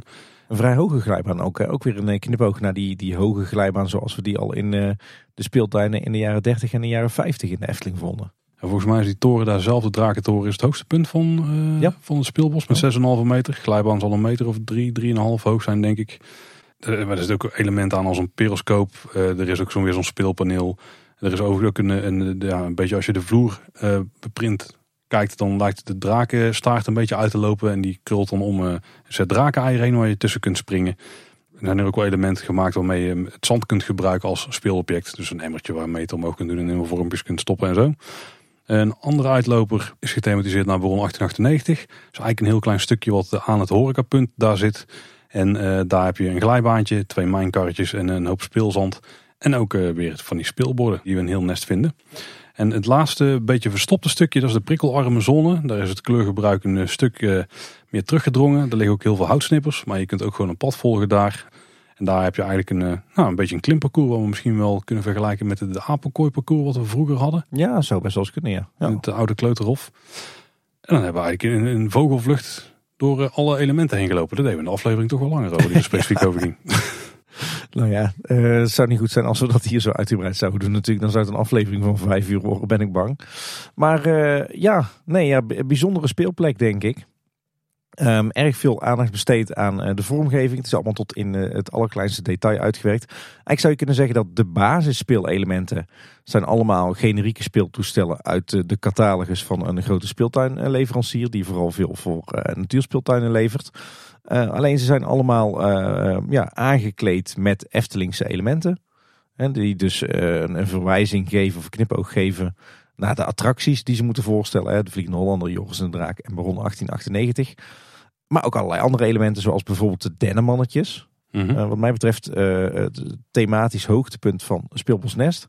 Eigenlijk een, een volkje van mannetjes die uh, gemaakt zijn van, uh, van dennenappels of mastappels zoals wij ze hier, uh, hier plaatselijk noemen. en die hebben allemaal weer een, net wat andere outfit of net wat andere pose die dan ook weer refereert aan de hoek van de speeltuin waar ze in te vinden zijn. En we vinden ook wat, wat oude elementen uit het kinderavonturendolhof terug in Nest. En een hele eigen soundtrack, hè? muziek van René Merkelbach. met daarin elementen van allerlei muziekstukken uit het Ruigrijk, maar dan uitgevoerd op eh, kinderinstrumentjes. Met als uh, apotheose toch wel het uh, vriendenlied met uh, de Nestjel. Ja, kan je me, die is ken je hem nog, Paul? Nee. En E-S-T. Nee, nee, nee. Nee. vast doen. Nee, nee, ik ken hem verbannen. Nee, nee. En bijzonder, we vinden hier ook in deze speeltuin nestwakers. En dat is eigenlijk gewoon het, het Efteling personeel dat uh, toezicht houdt in deze speeltuin. En ook een beetje kinderen nou ja, niet alleen in de gaten houdt, maar ook uh, stimuleert om op een leuke manier met elkaar te spelen. Ja. En wat je hier ook nog hebt is een horecapunt. Met daarin, ja, dat is dan de verwijzing naar de Python. Die hebben we natuurlijk nog niet langs horen komen als een van de grote attracties uit het Draagrijk. En dat horecapunt is natuurlijk het verwende nest waar je de kurkentrekkers kunt kopen. En dat is een heel smakelijke snack, Tim. Absoluut, ja. En er is ook nog wat zitgelegenheid hier. Dus, uh, en wat een groot voordeel is trouwens van Nest ten opzichte van een paar andere speeltuinen, is dat er maar één in- en uitgang is. Ja. Dus als jij op een tactische plek plaatsneemt, dan is het bijna onmogelijk voor jouw kinderen om uh, uit de speeltuin te ontsnappen. En jou uh, vooral langs je heen te schieten en dat je ze kwijt bent. Dat is wel denk ik een van de grote voordelen van Nest. Zeker. Ik denk dat qua, qua functionaliteit en qua attractiviteit dat deze speeltuin echt wel top is. Als je kijkt naar de, de speeldichtheid, zeg maar, van, van hoeveel speelelementen ze daar op een paar vierkante meter weten te proppen, die, die is echt gigantisch hoog. Ook ten opzichte van eigenlijk alles wat we tot nu toe hebben langs horen komen. Ja, en stilistisch ook best wel goed. Er zit best wel een, een, een lijn in en een, een duidelijk verhaal en duidelijke stijlkeuzes. Je kunt erover twisten of het heel erg Eftelings is of niet. Maar het is stilistisch wel heel goed aangepakt. Ja, het zit weer in ieder geval eh, een niveautje boven. Nou oké, dat zijn misschien niet de allerhoogste niveaus. Maar het is denk ik meer Eftelings dan dierenwereld. Ja, zeker. Absoluut. Ja. En dan de meest recente opening in het uh, speeltuinaanbod van de Efteling. In 2022, Archipel. is natuurlijk onderdeel van de wereld van Simbad. Ook uitgebreid besproken in een aflevering, aflevering 257 komen we hier langs. Het was een speeltuin voor de eerste dag open. Inmiddels hebben we ook gezien uh, met water erin. Deze ligt op de plek waar het avonturendolf voorheen lag. Dus naast Musje Cannibal tegenwoordig Sirocco. En als je dit in de basis ziet, dan denk je eigenlijk dat het een vrij suffe speeltuin is. Want het is een vrij grote open vlakte. Uh, waar we nu vooral in, het, in de tijd dat we het opnemen is het nog voor de, de warme zomer. Waar we een beetje een golvende vloer zien. Uh, gemaakt van uh, themabeton. De, de, kleine boodschap bingo kaart kan we weer eens afvinken.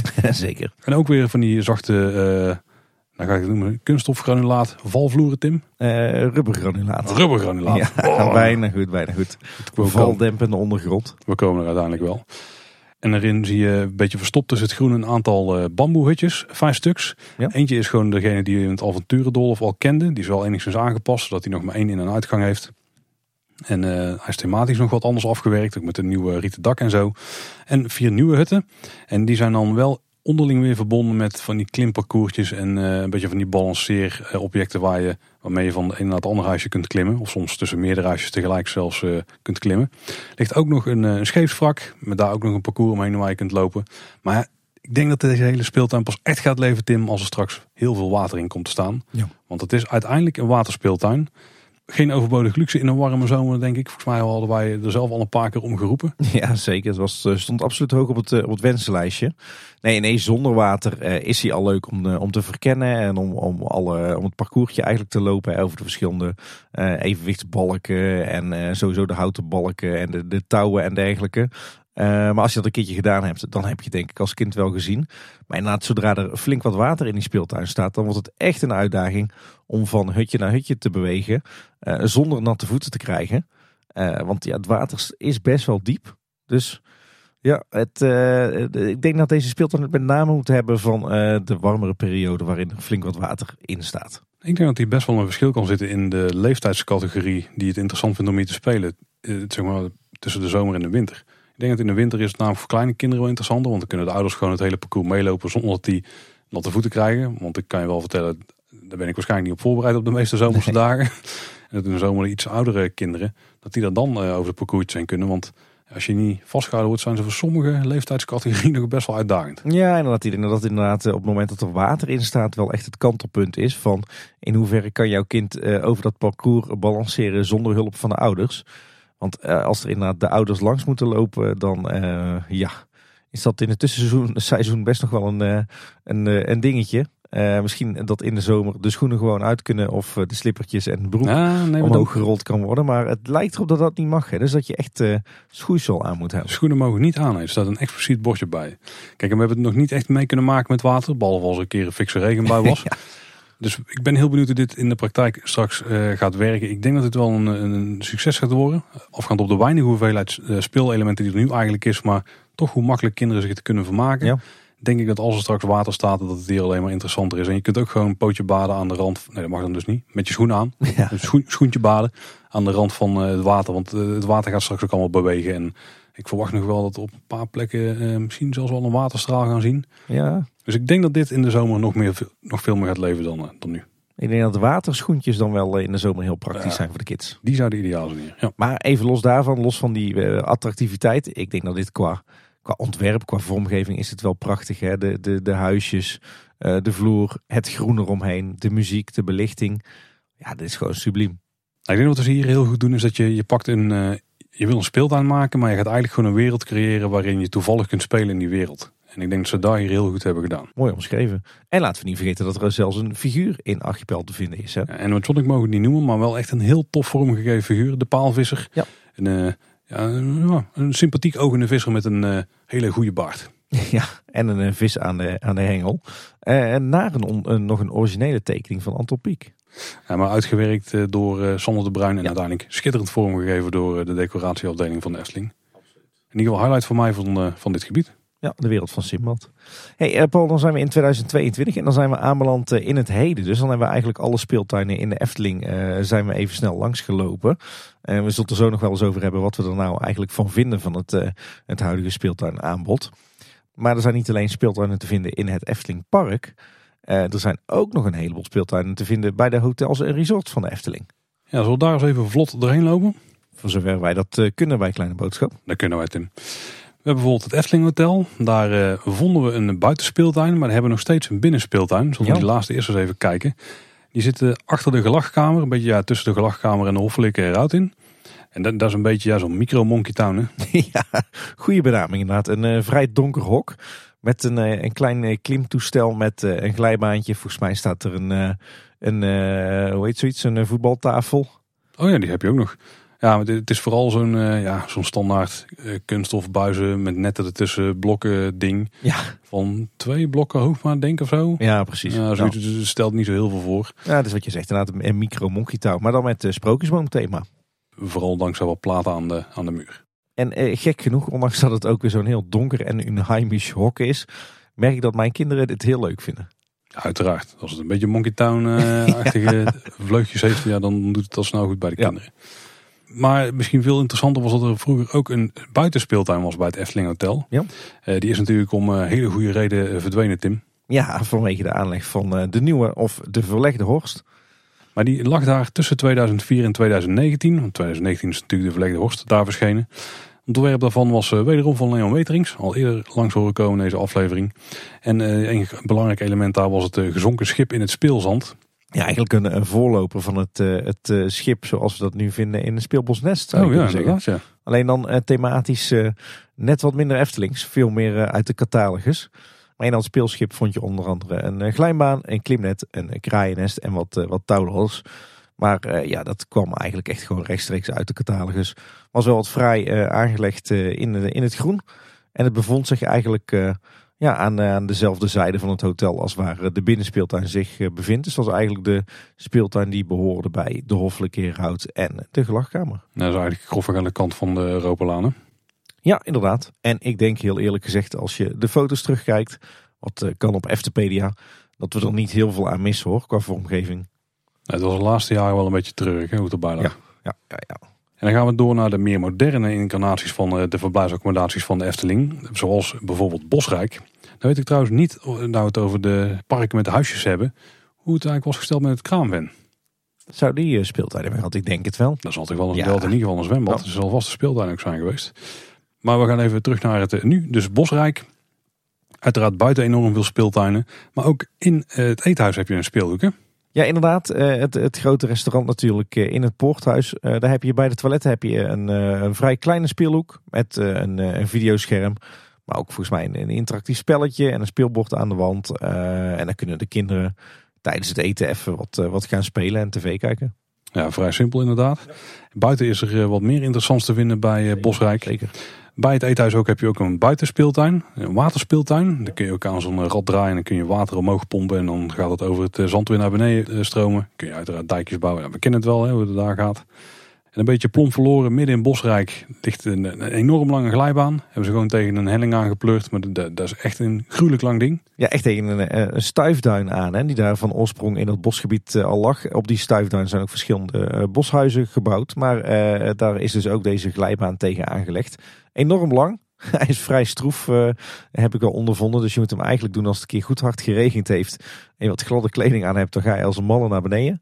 Nou. En, en bovenop de duin heb je trouwens ook nog wat, uh, wat speeltoestellen daar hangen. Bijvoorbeeld wat, wat klimtouwen in de bomen gespannen. Maar het is inderdaad een, een beetje een verborgen speelplekje in Bosrijk. En je hebt ook het landhuis achter in Bosrijk. Daarachter ligt een enorm open veld. En daar heb je ook wat speeltoestellen staan. Dat zijn hoofdzakelijk de, van die balanceren speeltoestellen.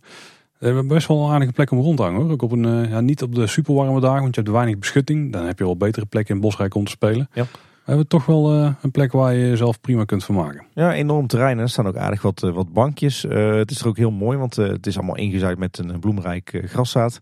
en je kunt er ook, ook balspellen spelen, hè, dus voetballen en dergelijke. Daar heb je meer dan voldoende ruimte voor daar. Ja, dan misschien, ja, nou, er zijn nog twee highlights van Bosrijk die we nu niet hebben gehad. En één daarvan is een speeltuin die we helemaal achterin in Bosrijk vinden. Tussen de Hertegang en het Hazenpad. Daar zijn die dorpspleintjes die we daar uh, achterin vinden. Daartussen heb je eigenlijk uh, grenzend aan de, uh, eigenlijk de woonkamers van al, die, van al die huisjes die daar staan. Daar hebben we een, een speeltuin. Een beetje een natuurspeeltuinachtige ja, ja, inrichting daar. Met vooral wat grotere klimtoestellen. Zonder glijbanen trouwens. Maar wel met ook wat balanceerelementen eraan. Dus ja, ook heel tof. Hier kunnen we ons ook altijd prima van maken. Zeker heel veel, heel veel balken op hoogte en heel veel netten en dergelijke. Een beetje dat, uh, dat gerij. Ik denk dat dit mijn favoriete speeltuin van Bosrijk is. Maar ja, de mijne moet nog komen. Jij hebt de schommelspeeltuin genoemd, zie ik in ons draaiboek. zo, zo noemen wij hem thuis, ja. Niet zonder reden. Ja, er zijn een aantal schommelelementen daar. Je hebt gewoon standaard schommels. Een beetje ook de baby slash kinderschommels. Maar je hebt ook wat familieschommels daar. Hè? Ja, ja, inderdaad. Dit is een, uh, ook weer een vrij grote speeltuin. Uh, die vind je dan juist aan uh, de westzijde van, van Bosrijk. Wat je al zei, daar vind je schommels voor de allerkleinste. Je vindt er standaard schommels. je vindt er ook een grote familieschommel, zeg maar een heel dik touw. Wat opgehangen is aan een hoop touwen, waarbij je zeg maar met, met z'n allen als familie op dat dikke touw kunt plaatsnemen. Uh, en dan kun je ook heel hard schommelen. Zeker als je allemaal gaat staan trouwens. Dat is ook wel een leuke tip. Uh, en ze hebben er ook een, uh, een nestschommel. Wat natuurlijk een ideaal soort schommel is voor de allerkleinste. Alleen die ligt wel op een spannende plek. Want om daar te komen moet je of over een soort palenparcours door het water heen. Of over wat keien klimmen. En dat kan en nog alles een uitdaging zijn met kleine kindjes. Of een tak en het omlopen. Dat kan ook nog, ja. Maar en wat mij betreft een heel sfeervol plekje. Het is een beetje een open plek in het bos. Omgeven door allerlei uh, mooie uh, vakantiewoningen. Ook weer, weer lekker bloemrijk ingezaaid. En wat bankjes, wat lantaarnpaaltjes. Hele toffe plek in Bosrijk. En mocht je nou trouwens sowieso meer willen weten over de buiteninrichting van, van Bosrijk en die speeltuintjes. Luister dan zeker eens aflevering 136. Onze audiotour over Bosrijk. Daar komen al die speeltuintjes ook langs. Ja, dan gaan we door naar het andere vakantiepark van de Efteling, het Loonse Land. Geopend in 2017 met een eh, heel assortiment aan speeltuinen. En hebben eigenlijk vrij vergelijkbaar met de speelhoek in Bosrijk. Ook een speelhoek in eh, de proeftuin, het restaurant al daar. Deze is wel iets groter, iets ruimer opgezet. En leuker. Ja, want er zit een custom uh, speelwand daarbij. Die is vrij groot, met allerlei verschillende speelobjecten. Je hebt er ook, uh, dan moet ik gaan graven, een hoop houten blokken volgens mij waar je mee kunt spelen. Klopt inderdaad, ja. Je kan een houten treinbaan maken. Je kan, uh, hoe heet dat spelletje ook alweer, met die, uh, met die kleine houten staafjes waarmee je torentjes moet bouwen. Kleine houten staafjes mee. Oh, kapla bedoel je? Of, uh... Ja, ja, dat ja. Ah, ja, ja. Ik denk al, Paul die weet dat soort dingen. Ik weet dat soort dingen niet. Nou, staafjes zijn meer uit de kluiten gewassen ijsstokjes. Hè? Ja, ja, inderdaad. Uh, heel veel van dat soort speelgerij. Ook uh, gewoon een lekkere speelmat. Uh, en ook weer een tv-scherm trouwens. Waar de kinderen wat, wat Efteling content kunnen kijken. Maar een hele leuke speelhoek en ideaal als je daar even wilt lunchen of zo. En als je nou bij het hotel daar naar buiten loopt, dan loop je eigenlijk bijna meteen tegen de speeltuin aan die daar naast het hotel ligt. Een speeltuin ook in het zand. Ja, met een beetje standaard uit de catalogus speeltoestellen. Wel veel hout en dan wat ja. RVS glijbaantje, schommel, wat, wat rekstokken volgens mij. Ja, vrij simpel speel, ook niet heel groot. Hier zijn we altijd snel uitgekeken. In de brandende zon. Dus dat is iets ja, dat is in de zomer. Ook niet ideaal, nee. Maar dat is toch wel bij de meeste die we vinden. Buiten de volgende die we gaan aanhalen in het Loonse Land. Want dat is de hooimijt. En die vind je eigenlijk aan de rand van de plas waar je tegenaan loopt als je het Loonse Land oploopt. En dat is een dierenverblijf, maar daar zit ook een speeltuin in. Beetje verstopt zelfs. Nou, je ziet de glijbaan aan de buitenkant wel eruit steken. maar dus dat je daar ook kunt spelen is vrij uh, onbekend denk ik voor veel mensen. Ja, en dit is ongelooflijk leuk. Want je, je moet het zo zien. Het is eigenlijk de, de stal bij de kinderboerderij. Uh, en als je die stal binnenloopt, dan loop je in feite de stal in. Alleen kun je aan je rechterhand uh, een, een trap op. Die is geconstrueerd van hooibalen. En dan kom je eigenlijk op de eerste verdieping van die, van die hooimijt.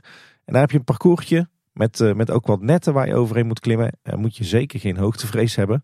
En uiteindelijk kom je inderdaad uit bij eh, zo'n eh, zo'n tunnelglijbaan. En die is best wel spectaculair. En eh, als je daar vanaf gaat, dan ja, beland je eigenlijk beneden bijna in het dierenverblijf. Ja, dat vlak naast. Ja. En dan kun je het rondje weer opnieuw maken. Ja, een heel tof speeltoestel. En als je het rondje niet opnieuw wil maken, dan loop je gewoon naar de waterplas daar. En daar overheen ligt er ook een hele waterspeeltuin. Uh, vooral met heel veel balanceerstukken. Maar het idee hier eigenlijk is gewoon dat je nat wordt. Ja. dat is vrij onmogelijk om dat niet te doen. Er hangen wat hangbruggen bijvoorbeeld. Maar die hangen gewoon zo gespannen dat je die er, ja, je raakt er altijd het water. Tenzij je met hele zware mensen op de randen gaat staan en een kind eroverheen laat lopen. Ja. Werkt goed, hebben we ook wel eens geprobeerd. Maar in het algemeen, uh, hier kom je gewoon nat uit. Het is best wel een uitdagend parcours. Zeker voor de jongsten. En als je als volwassene een klein kindje moet begeleiden hier, dan is het ook oplet geblazen. Want het water is hier best wel diep. Dus ja, het is een uitdagend parcours, maar wel heel leuk. En het past denk ik ook wel als natuurlijk speelelement op zo'n vakantiepark. In ieder geval heel mooi vormgegeven op een, een hele mooie plek. En als je nog verder het park oploopt, dan ligt daar nog een waterspeeltuin. Ik denk dat ik deze qua uitstraling misschien nog wel het mooiste vind van, van alle speeltuinen. Ja, klopt. Die, die bevat vooral een hoop balanceerelementen waarmee je jezelf over het water kunt bewegen. Ook wat touwen die daar gespannen hangen. Dus van die indianenbruggen zeg maar, dat je naar wat plateaus kunt die boven het water hangen. Ook een paar hele toffe bruggetjes vind ik. Niet echt speelelementen, maar die passen wel heel goed daar in het uh, gebied. Het water is hier ook, nou het is hier toch wel ook redelijk diep. Maar niet zo diep als bij de andere waterspeeltuin. Deze ligt ook mooi tussen de huisjes in. Dus die grenst ook echt aan heel veel uh, huisjes. Maar dit is ook wel weer eentje die vol in de zon ligt. Dus dan moet je wel op het bewapend zijn als je hier lange tijd gaat spelen. Maar het zijn wel echt leuke speeltuinen, zowel in Bosrijk als in het Loonse Land. En dat wij best wel vaak, als we een paar uurtjes over hebben op een dag, eh, en eh, we kunnen of we willen niet naar de Efteling zelf, dat we dan wel eens vaak zeggen van nou we gaan naar Bosrijk of naar het Loonse Land of naar allebei. En we gaan naar lunchen of borrelen en dan tussendoor een aantal van die speeltuinen doen. En dat is uh, toch heel leuk vermaak. Zeker als je natuurlijk in de buurt woont. Um, of ik kan me ook voorstellen dat het ook heel ideaal is als je een verblijf hebt in, op een van de Efteling vakantieparken. Ja, dan zijn dit uh, gewoon eh, perfecte speeltuintjes. Ja, zeker. Nou, wil je trouwens meer weten over de speeltuinen in het Loonse Land? Luister dan onze audiotour al daar. Dat is uh, aflevering 141 van Kleine Boodschap. Zijn we op het punt gekomen, Tim, dat we even gaan terugkijken naar wat we allemaal hebben besproken. En misschien eens even wat conclusies gaan trekken. Ja, want volgens mij hebben we alle speeltuinen en speelelementen in de wereld van Efteling wel besproken. Ja, er zullen vast nog wel een paar onbedoelde speelelementen zijn. Dus misschien decoratieve objecten waar kinderen dan mee gaan spelen, wat eigenlijk helemaal niet de bedoeling is. Of we hebben echt iets eh, over het hoofd gezien, maar dan mogen onze luisteraars ons dan natuurlijk uh, opwijzen via de gebruikelijke wegen. Het uh, zou zomaar kunnen. Als we kijken naar het huidige speeltuinaanbod in de Efteling, wat vinden we daar dan van? Ja, ik vind dat de Efteling tegenwoordig eigenlijk best wel een prima aanbod heeft aan speeltuinen. Als je kijkt in het park, dan zijn er eigenlijk, als je de, de speelwereld van Fabula meetelt, zijn er vijf grote speeltuinen in de Efteling. Eigenlijk heb je in iedere windrichting van het park nu wel een, eh, een speeltuin liggen. Ja, inderdaad. Kindervreugd eh, in Marenrijk, eh, Archipel en Kleuterhof in het Reizenrijk. Een speelpelsnest in het Ruigrijk. En de speelwereld van Fabula, ja, daar kan je dan om twisten of in het Anderrijk of in het Fantasierijk. Ja, ja dat ligt een beetje op de grens van. Dus wat dat betreft qua locatie goed, denk ik. Ja, ik denk dat voor een, voor een attractiepark van het kaliber Efteling dat het eigenlijk best wel prima is. Wat me dan wel opvalt, ook als we een beetje naar de geschiedenis kijken van de speeltuin in de Efteling, is dat het wel een, een plek lijkt te zijn waar ze wel makkelijker buiten de lijntjes kleuren van wat Eftelings is. Misschien ook vanwege de attracties waar het soms aan gekoppeld is. Ja, hoewel dat is eigenlijk alleen maar bij de dierenwereld. Ik zou nog wel benieuwd zijn, en dat hebben ze met Archipel eigenlijk laten zien dat ze het heel goed kunnen, hoe een echt, echt Eftelingse speeltuin er nou uit zou kunnen zien. Ja. Ik hoop dat we er in de toekomst nog wel wat, uh, wat meer van gaan zien. Ja, Archipel is inderdaad al een mooi voorbeeld van de kindervreugde natuurlijk ook. Dat is meer de, de klassieke Eftelingse speeltuin. Ja, als Kleuterhof gaat verdwijnen, we hebben ook wel wat opgevangen dat er misschien in het circusgebied ook wat speel, uh, speeltuinelementen terugkomen. Nou, daar is ook weer een kans om er wel moois van te maken. Zeker. Maar, maar ik denk, eh, weet je, weet je wat ik af en toe wel eens heb? Uh, ik kom ook heel vaak in dierentuinen en ik merk dat er uh, in heel veel dierentuinen, maar eigenlijk ook in heel veel pretparken, in heel veel musea, dat er een soort van uh, pandemie heerst, zou je bijna kunnen zeggen. Niet de coronapandemie, die hebben we inmiddels uh, achter de rug. Tenminste, dat hopen we op het moment van opname. Maar dat er een soort van epidemie heerst dat hoe meer speeltuinen, hoe beter. je ziet in heel veel dierentuinen echt enorm veel speeltuinen verschijnen. Alsof ze alleen nog maar daarin investeren. Kijk, en als vader van twee jonge meiden ben ik daar in de basis heel blij mee. Maar aan de andere kant, voor mijn gevoel slaat het af en toe ook wel eens door. Eh, en dat zie je ook in sommige uh, attractieparken. Kijk bijvoorbeeld in Toverland, daar vind ik ook dat er wel heel veel speeltuintjes zijn. Dat is echt de speeltuinenkoning. Ja. en uh, dan denk ik van ja, dan is de balans op een gegeven moment ook zoek. Hè? Of kijken ah. naar, naar Beekse Bergen, waar je meer speeltuinen dan dierverblijven hebt. Dan denk ik van, het, het moet ook weer niet doorslaan. En de Efteling is natuurlijk in de basis een, een attractiepark, een themapark. Uh, en ik vind op zich vijf uh, volwaardige speeltuinen in een park als de Efteling vind ik prima. Ik denk dat het beter is dan in de jaren 50 waarin je één grote centrale speeltuin had. Uh, ik denk dat het inderdaad veel beter is om die speeltuinen te spreiden over het park. Zodat je in ieder rijk ook een speeltuintje hebt waar je naartoe kan gaan met de allerkleinste als de rest van het gezelschap in, in de achtbanen gaat of in de attracties voor grote kinderen ja, en ik denk dat het zo goed in balans is. Uh, ik denk dat een aantal speeltuinen wel aan uh, vervanging toe zijn. Zeker natuurlijk uh, Kleuterhof. maar ik denk dat er niet per se nog meer speeltuinen bij hoeven te komen. Met de toevoeging van, van Archipel en Nest denk ik dat ze het al heel erg op orde hebben. Ik zou ook niet weten waar nu nog een, wat nu nog een goede locatie zou zijn voor een speeltuin. Want Ruigrijk was wel echt de plek waar er een miste. Ja. Ook zeker gezien de rest van het aanbod daar. Want wil gewoon zo om de kleine beesten te hebben. Waarbij het eigenlijk dus jammer is dat er geen invul meer bij is. Nee. Dat, dat we die gewoon kwijt zijn. Dat is toch wel een grote wens inderdaad. Een, eh, een invulmolentje bij Speelbosnest. Zou uh, denk ik prima kunnen. Uh, ik denk dat het wat ze nu ook wel heel goed doen is de, de afwisseling in die speeltuinen. Want je hebt echt uh, de nostalgische speeltuin. Die hebben natuurlijk met kindervreugd. Dan hebben we de, de inclusieve speeltuin, dat is Nest. Dan hebben we de waterspeeltuin.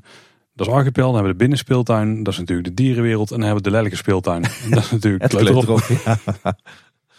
ik, ik voelde hem al aankomen, Paul. Dus ze hebben en een speeltuin op al die plekken. En ze hebben ook best wel diverse speeltuinen. Dus daar doen ze sowieso goed. Missen we dan nog iets in de Efteling qua speeltuinaanbod?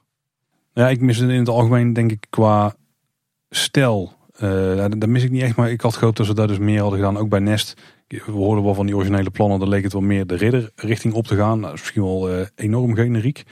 Maar dan kun je wel echt gewoon een wereld schapen waarin je ook kunt spelen. En dat kan ik wel heel erg waarderen. Ik hoop dat Efteling dat als ze in de toekomst nog van dit soort projecten aangaan, dat ze dat dan wel ambiëren. Maar dat is vooral wat ik persoonlijk van vind. Ja, nou, ik weet niet of ik echt iets mis. Nou, ik, ik, ik heb gezien wat jij hebt opgeschreven. Misschien moeten we daar even over gaan discussiëren. Want daar kan ik me wel voor een deel in vinden.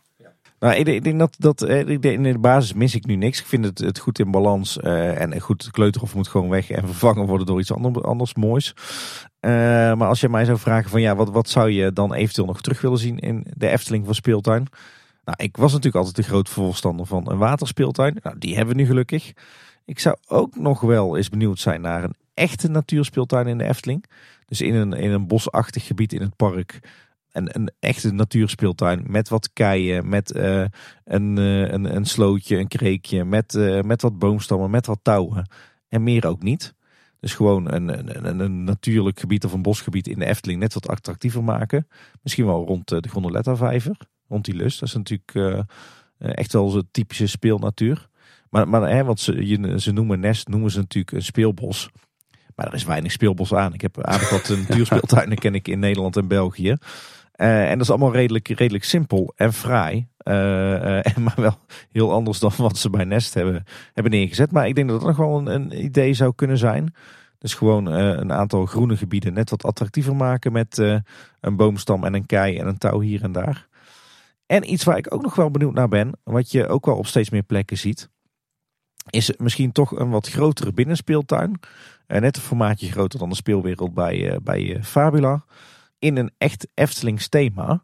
Misschien ergens aan de rand van het park. En misschien juist wel uh, op de verblijfsaccommodaties of uh, in een toekomstig uitrijk. Juist voor de echt koude en echt regenachtige dagen. Voor de gezinnen met kleine kinderen. die het dan niet aandurven om de hele dag door het park te sjouwen. Maar dat ze toch even een aantal uurtjes in zo'n overdekte binnenspeeltuin kunnen rondhangen. En dan denk ik echt aan een, een beetje het, het Plopsa indoor sfeertje. Een beetje Monkey Town, maar dan beter. Uh, nou oké, dit legt de lat weer niet zo heel hoog. maar het uh, Safari Resort Beekse Bergen hebben ze daar bijvoorbeeld ook een, eh, een aantal goede voorbeelden van. Dus ja. Ah, oké, ging je die kant op? Want ik dacht zelf namelijk aan een plek waar ik het best goed aan mezelf kan verkopen. Zo'n grote binnenspeeltuin. Dat is bijvoorbeeld in de buurt van Carnaval Festival. Ja. Laatst wel eens wat zit de Armchair Imagineer hoe zou eruit kunnen zien als een deel van het dienstencentrum erbij pakken bijvoorbeeld. Ik denk dat daar best een goed, een goed thema, geschikt thema kan zijn om een binnenspeeltuin te maken, bijvoorbeeld.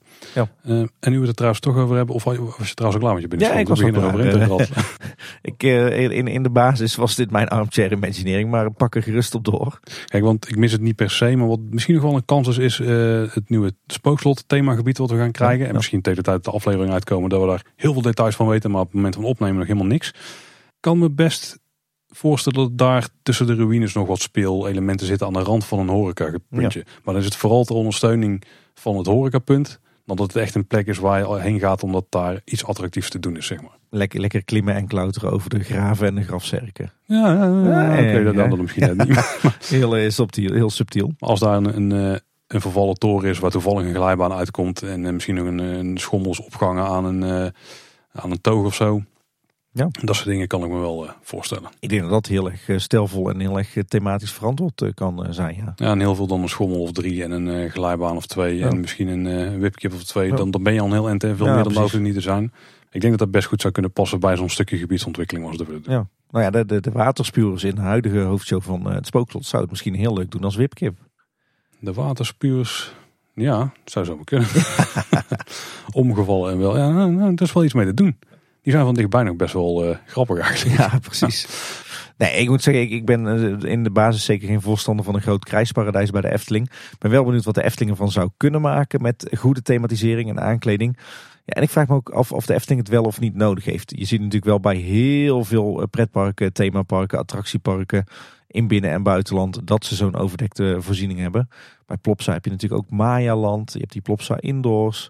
Toverland is natuurlijk heel veel indoor. Heeft de Efteling het wel of niet nodig? Zo'n indoor speelparadijs? Ik vraag het me af. Nou, ik vraag me ook af, ik denk dat het groot verschil namelijk is dat de Efteling al vrij veel binnenattracties heeft ten opzichte van andere parken. Efteling is natuurlijk al winterhard gemaakt in de afgelopen nou, decennia Ja. eigenlijk. Ik denk dat dat een voordeel is wat, wat andere parken misschien niet hebben en als ze dan zoiets wel hebben om op terug te vallen. Ja. Ik, ben wel heel benieuwd wat Efteling ervan zou kunnen maken. Ja, precies. precies. En eh, ja, het lijkt me wel een ideaal element in een eh, toekomstig uitrijk.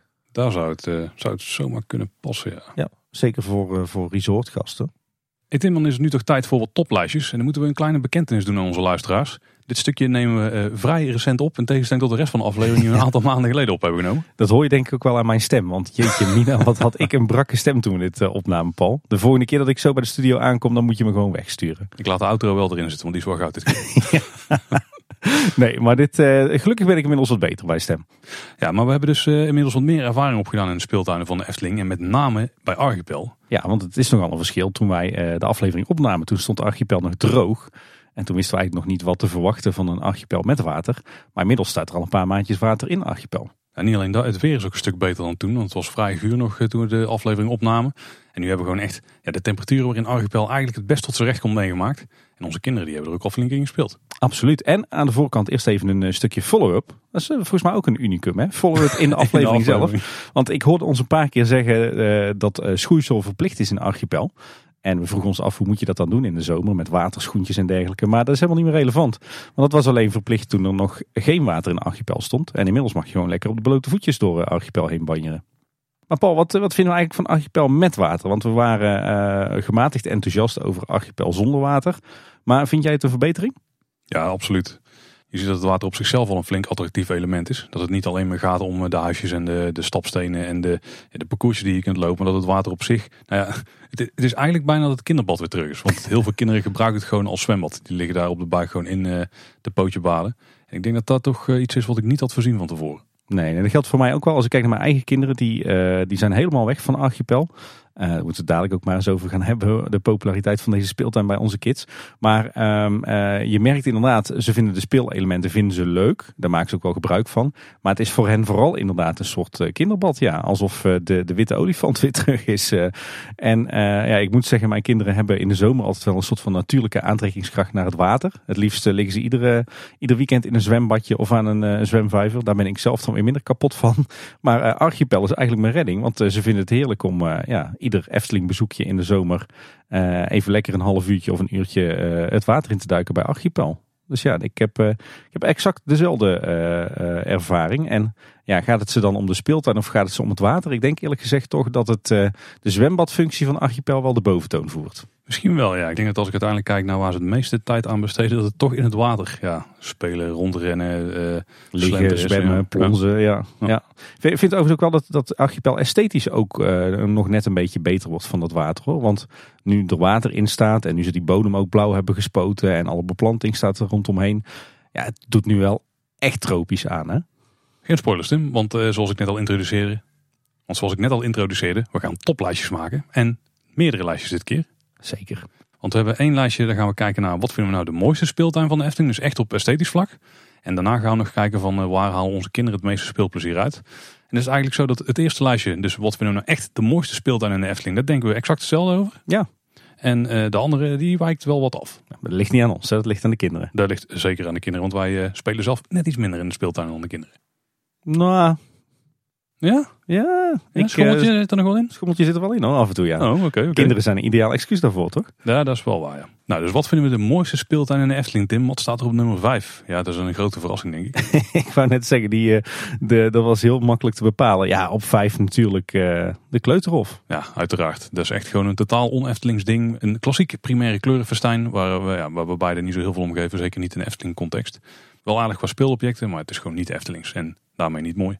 Ja, het is niet alleen niet Eftelings, het is gewoon spuuglelijk, toch? Ja, ja, ja, ja. Het is, ja. Nee, dat klopt. De speeltuin zelf is ook gewoon lelijk. Er is niks van te maken. No- Normaal gesproken zouden we zeggen, hij zou niet misstaan in andere parken. Maar ik denk dat dat nog niet eens opgaat voor de Kleuterhof. Nee, maar het is ook gewoon de, de setting aan zich. Hè. Gewoon, je hebt, ja, het is een vrij inspiratieloos gevormd stukje park met een heer als hekwerk tegenaan. Ja, weet je wel. Ja, nee, het is gewoon... Nee. Betontegels op de vloer inderdaad. Eh, je kijkt er natuurlijk recht in de back of the house van eh Vogelrok en het café-restaurant. Ja, het is een beetje een rommeltje. Maar goed, we, we weten dat die, of althans we zijn er vrij zeker van dat die eh, uiteindelijk gaat verdwijnen zodra Grand Circus Balancé eh eh, open gaat. En ik denk dat niemand daar rouwig om gaat zijn, toch? Dat denk ik niet. Alhoewel, de kinderen vinden het wel een leuke speeltuin. Dat wel, maar wie weet wat er voor terugkomt. Hè? Dat is waar. En dan nummer vier, en dat is de speelwereld van Fabula. Ehm, ik denk ook niet typisch Eftelings of zo. Er, er is daar weinig te, te herkennen als Eftelings. Maar minder lelijk dan de Kleuterhof. Dat is best wel een mooi vormgegeven, toch? Animatronics, eh, ja, zeker. Ja, ja. mooie, mooie ruimte, mooie belichting, eh, muziekje erbij.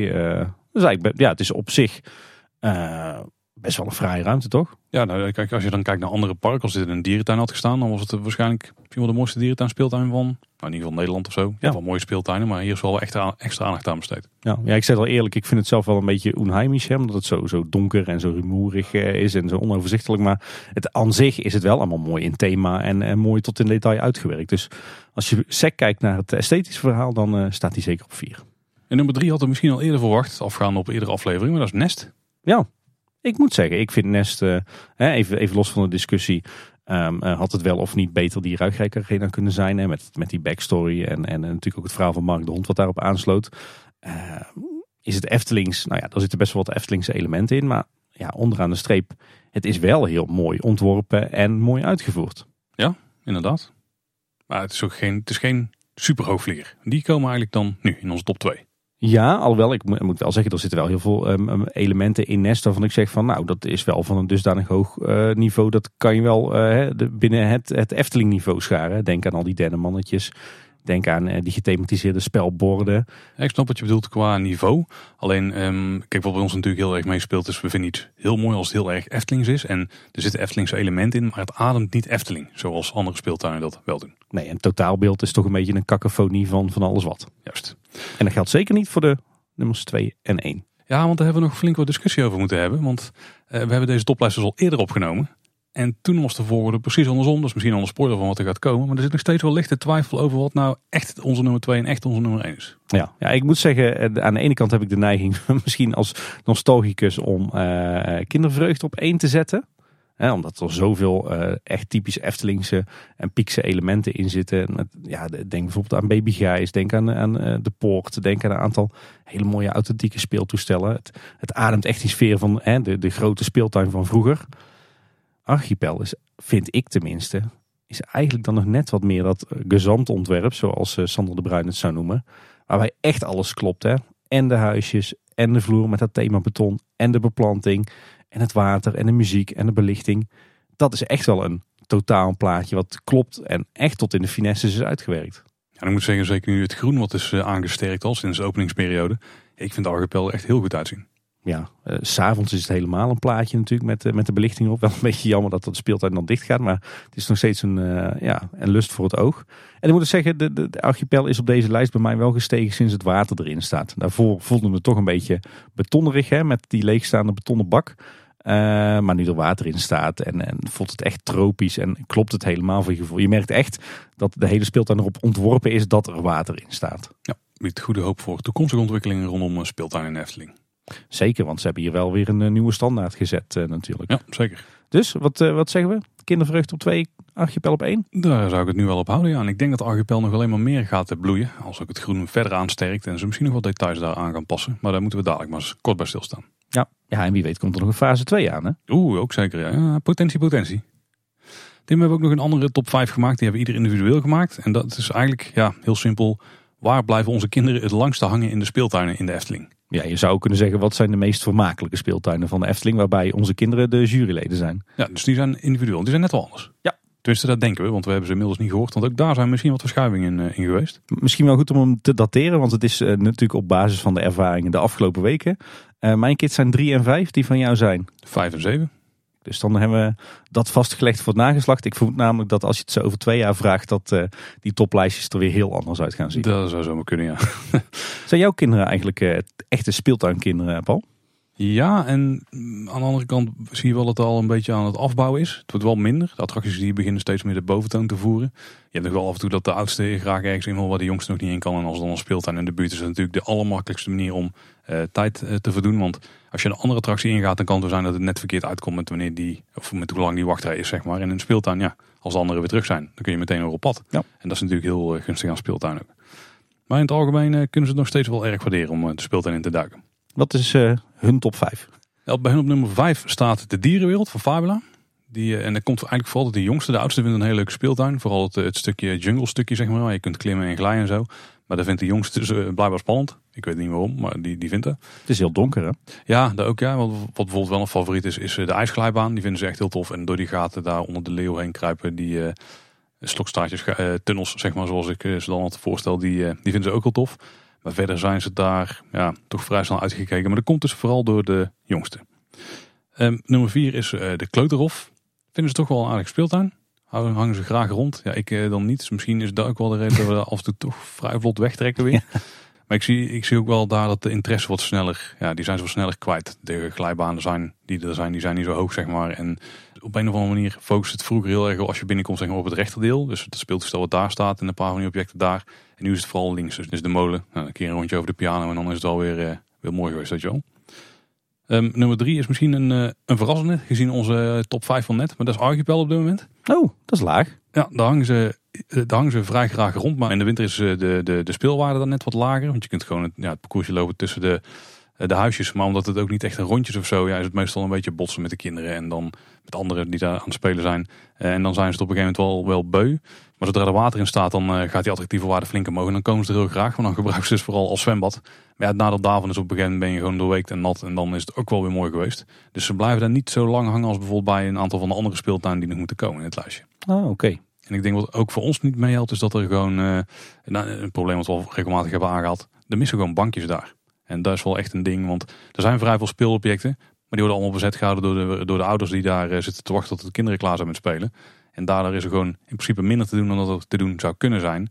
En er is plek zat voor bankjes. En er staan over die gekke hekjes en ik- d- d- dat is gewoon, ja, daar zit nog iets mis in die speeltuin. Er moet gewoon zitgelegenheid zijn voor de ouders. En dan, eh, ik denk dat het dan ook fijner is om er langer te blijven hangen. Want nu zit je gewoon op een steen of misschien op die vlonder. Daar zit dan nog het beste al op de ding ook scheef aan alle kanten. Heb ik al gemerkt. Ook niet heel comfortabel. Nou, dus nou, niet, eh, nee, nog niet eh, optimaal. Maar wel bloedmooi. Ik denk eerlijk gezegd dat de Efteling ook wel eh, overvallen is door de populariteit van Archipel. Ik kan me ook niet voorstellen dat die bankjes er niet aankomen. Want dat is echt het meest opzichtige probleem daar. Ja. Het doet het gewoon af van alles wat daar is neergezet, zeg maar. Omdat de helft van de speeltoestellen bezet is door de ouders.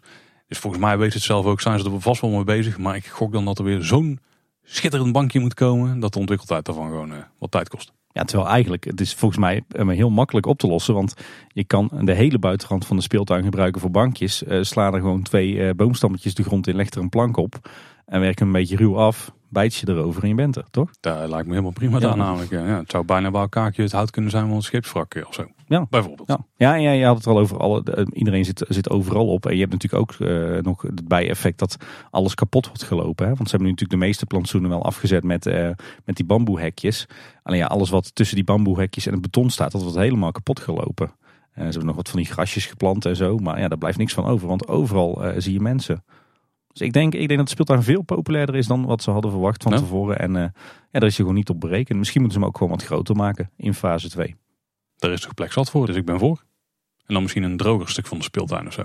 Want zeg maar, het stuk wat er nu is, het, nat oppervlak van de speeltuin is eigenlijk best wel prima.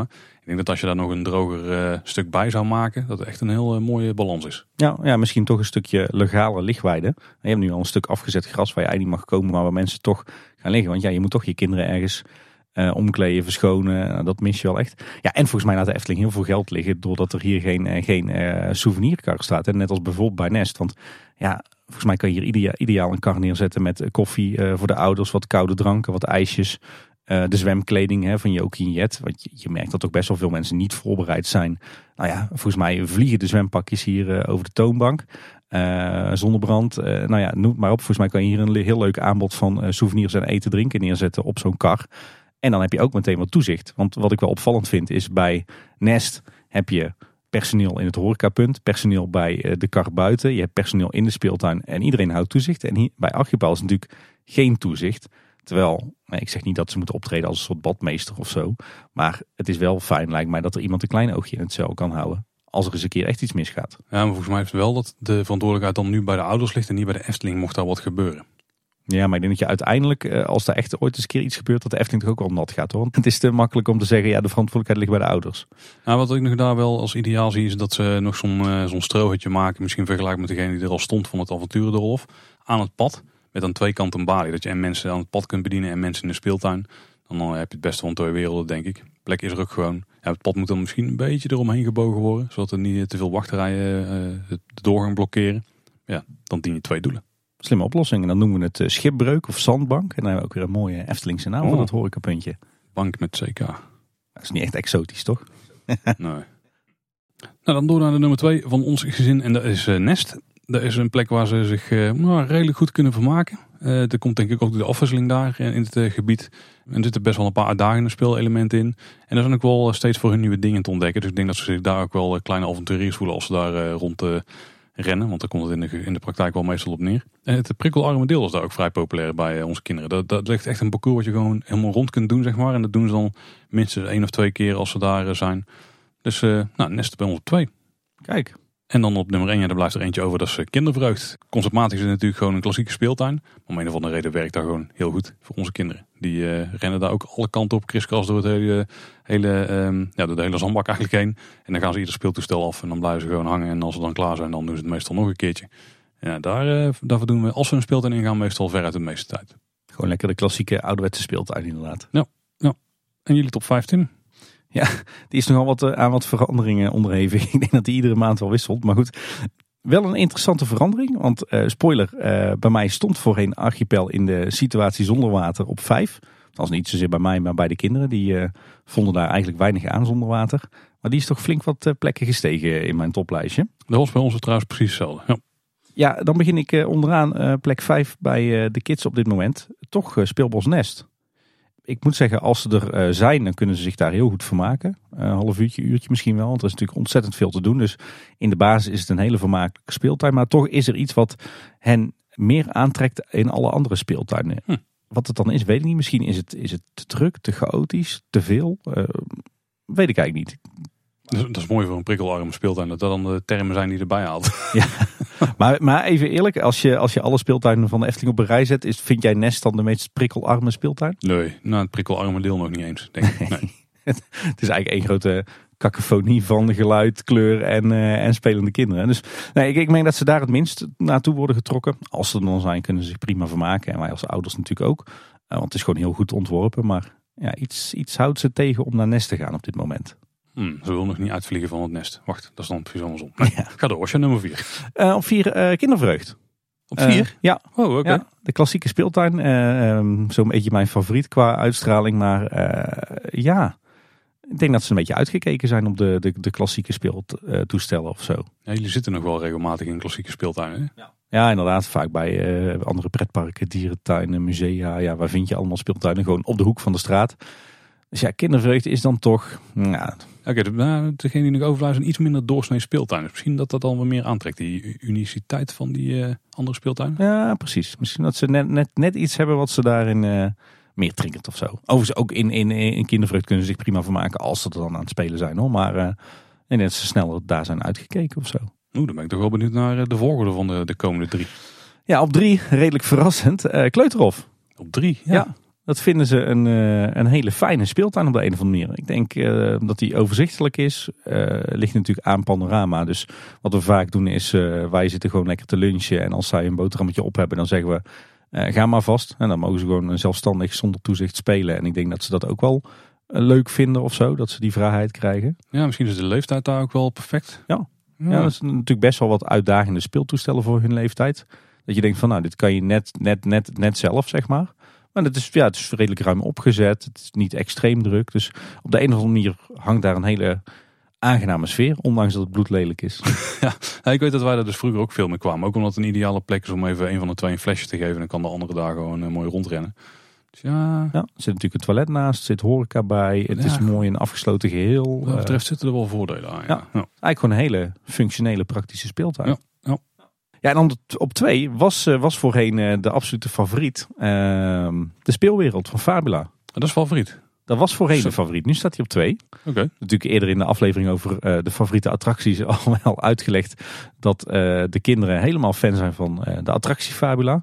Maar dat geldt zeker ook voor de speelwereld. Misschien zelfs wel vooral vanwege de speelwereld. Ah, dat ze de film in willen om dan naar de speelwereld te kunnen. Ja, ja dat, dat in, in, het verleden wel. Ik moet zeggen dat ze de, de, film wel steeds belangrijker gaan vinden. Hoor. Dus er moet ook, en je kan natuurlijk ook in de speelwereld van Fabula via de uitgang. Maar dat, dat krijg ik tegenwoordig niet meer voor elkaar. We moeten altijd wel eerst de film kijken. Maar nee, ja, de speelwereld, ja, ze vinden hem gewoon super uitdagend. Hij is natuurlijk uh, uh, ja, best wel donker en onoverzichtelijk. Maar ja, voor de kids is dat ook wel een avontuurtje, denk ik. Ze vinden het heerlijk om dat parcours in de jungle te, uh, te ontdekken met z'n tweetjes. die glijbaan vinden ze tof. die termietenheuvel waar ze in kunnen kruipen. Ja, ik denk juist omdat deze zo spannend, donker, duister is. En omdat de ouders niet echt toezicht kunnen houden. Ik denk dat ze dat op de een of andere manier wel, wel heel erg leuk vinden. En ja, eigenlijk willen ze ieder, ieder bezoekje wel uh, even naar de speelwereld. Ja, en ook hier, het is eigenlijk ook weer een hele praktische plek. Hè, want het is makkelijk te combineren met, uh, met een lunch of avondeten of een bakje koffie. Dus eigenlijk altijd als we in Fabula gaan en we eindigen in de speelwereld, dan wordt er ook altijd wel wat uh, geconsumeerd. Dat zal de afdeling horeca vast niet erg vinden om te horen. En ja, dus je, je kunt gewoon even gaan zitten en zeggen, joh, ga gewoon lekker een uurtje spelen als je tussendoor naar de wc gaat. En moet, ga lekker zelf. dus ik denk dat die van mij zelfstandig spelen toch heel erg waarderen op de een of andere manier. Wat dat betreft is het wel een slechte speeltuin. Je had net al het overzicht aan wat daar gewoon mist. En dat is lastig als ouder, want je hebt dan de plek waar je kunt zitten. Maar je hebt eigenlijk drie uitgangen die daar naartoe leiden vanaf het speeldeel, zeg maar. Dan heb je ook nog dat het toilet eigenlijk bij de uitgang van het gebouw zit. Dus de speeltuin technisch niet heel sterk. Nee, maar op de een of andere manier wordt dat wel gewaardeerd ja, nee, bij de kroost, eh, denk ik. Je hebt natuurlijk het geluk met kinderen die niet eh, te pas en onpas eh, tussenuit naaien. Dus dat is wel fijn. Hoop ik. Even afkloppen. We hebben hier gelukkig in de studio een tafel uh, van ongelakt hout. Dus. De onderkant wel, ja. ja precies. Ja, en op één, uh, met, met stip op één, zeker deze zomer. Ja, toch echt archipel. Ja, met, en die stond op vijf in je originele top. Die stond op vijf, ja. ja. Zo. ja, ja water niet kan veranderen en een beetje goed weer.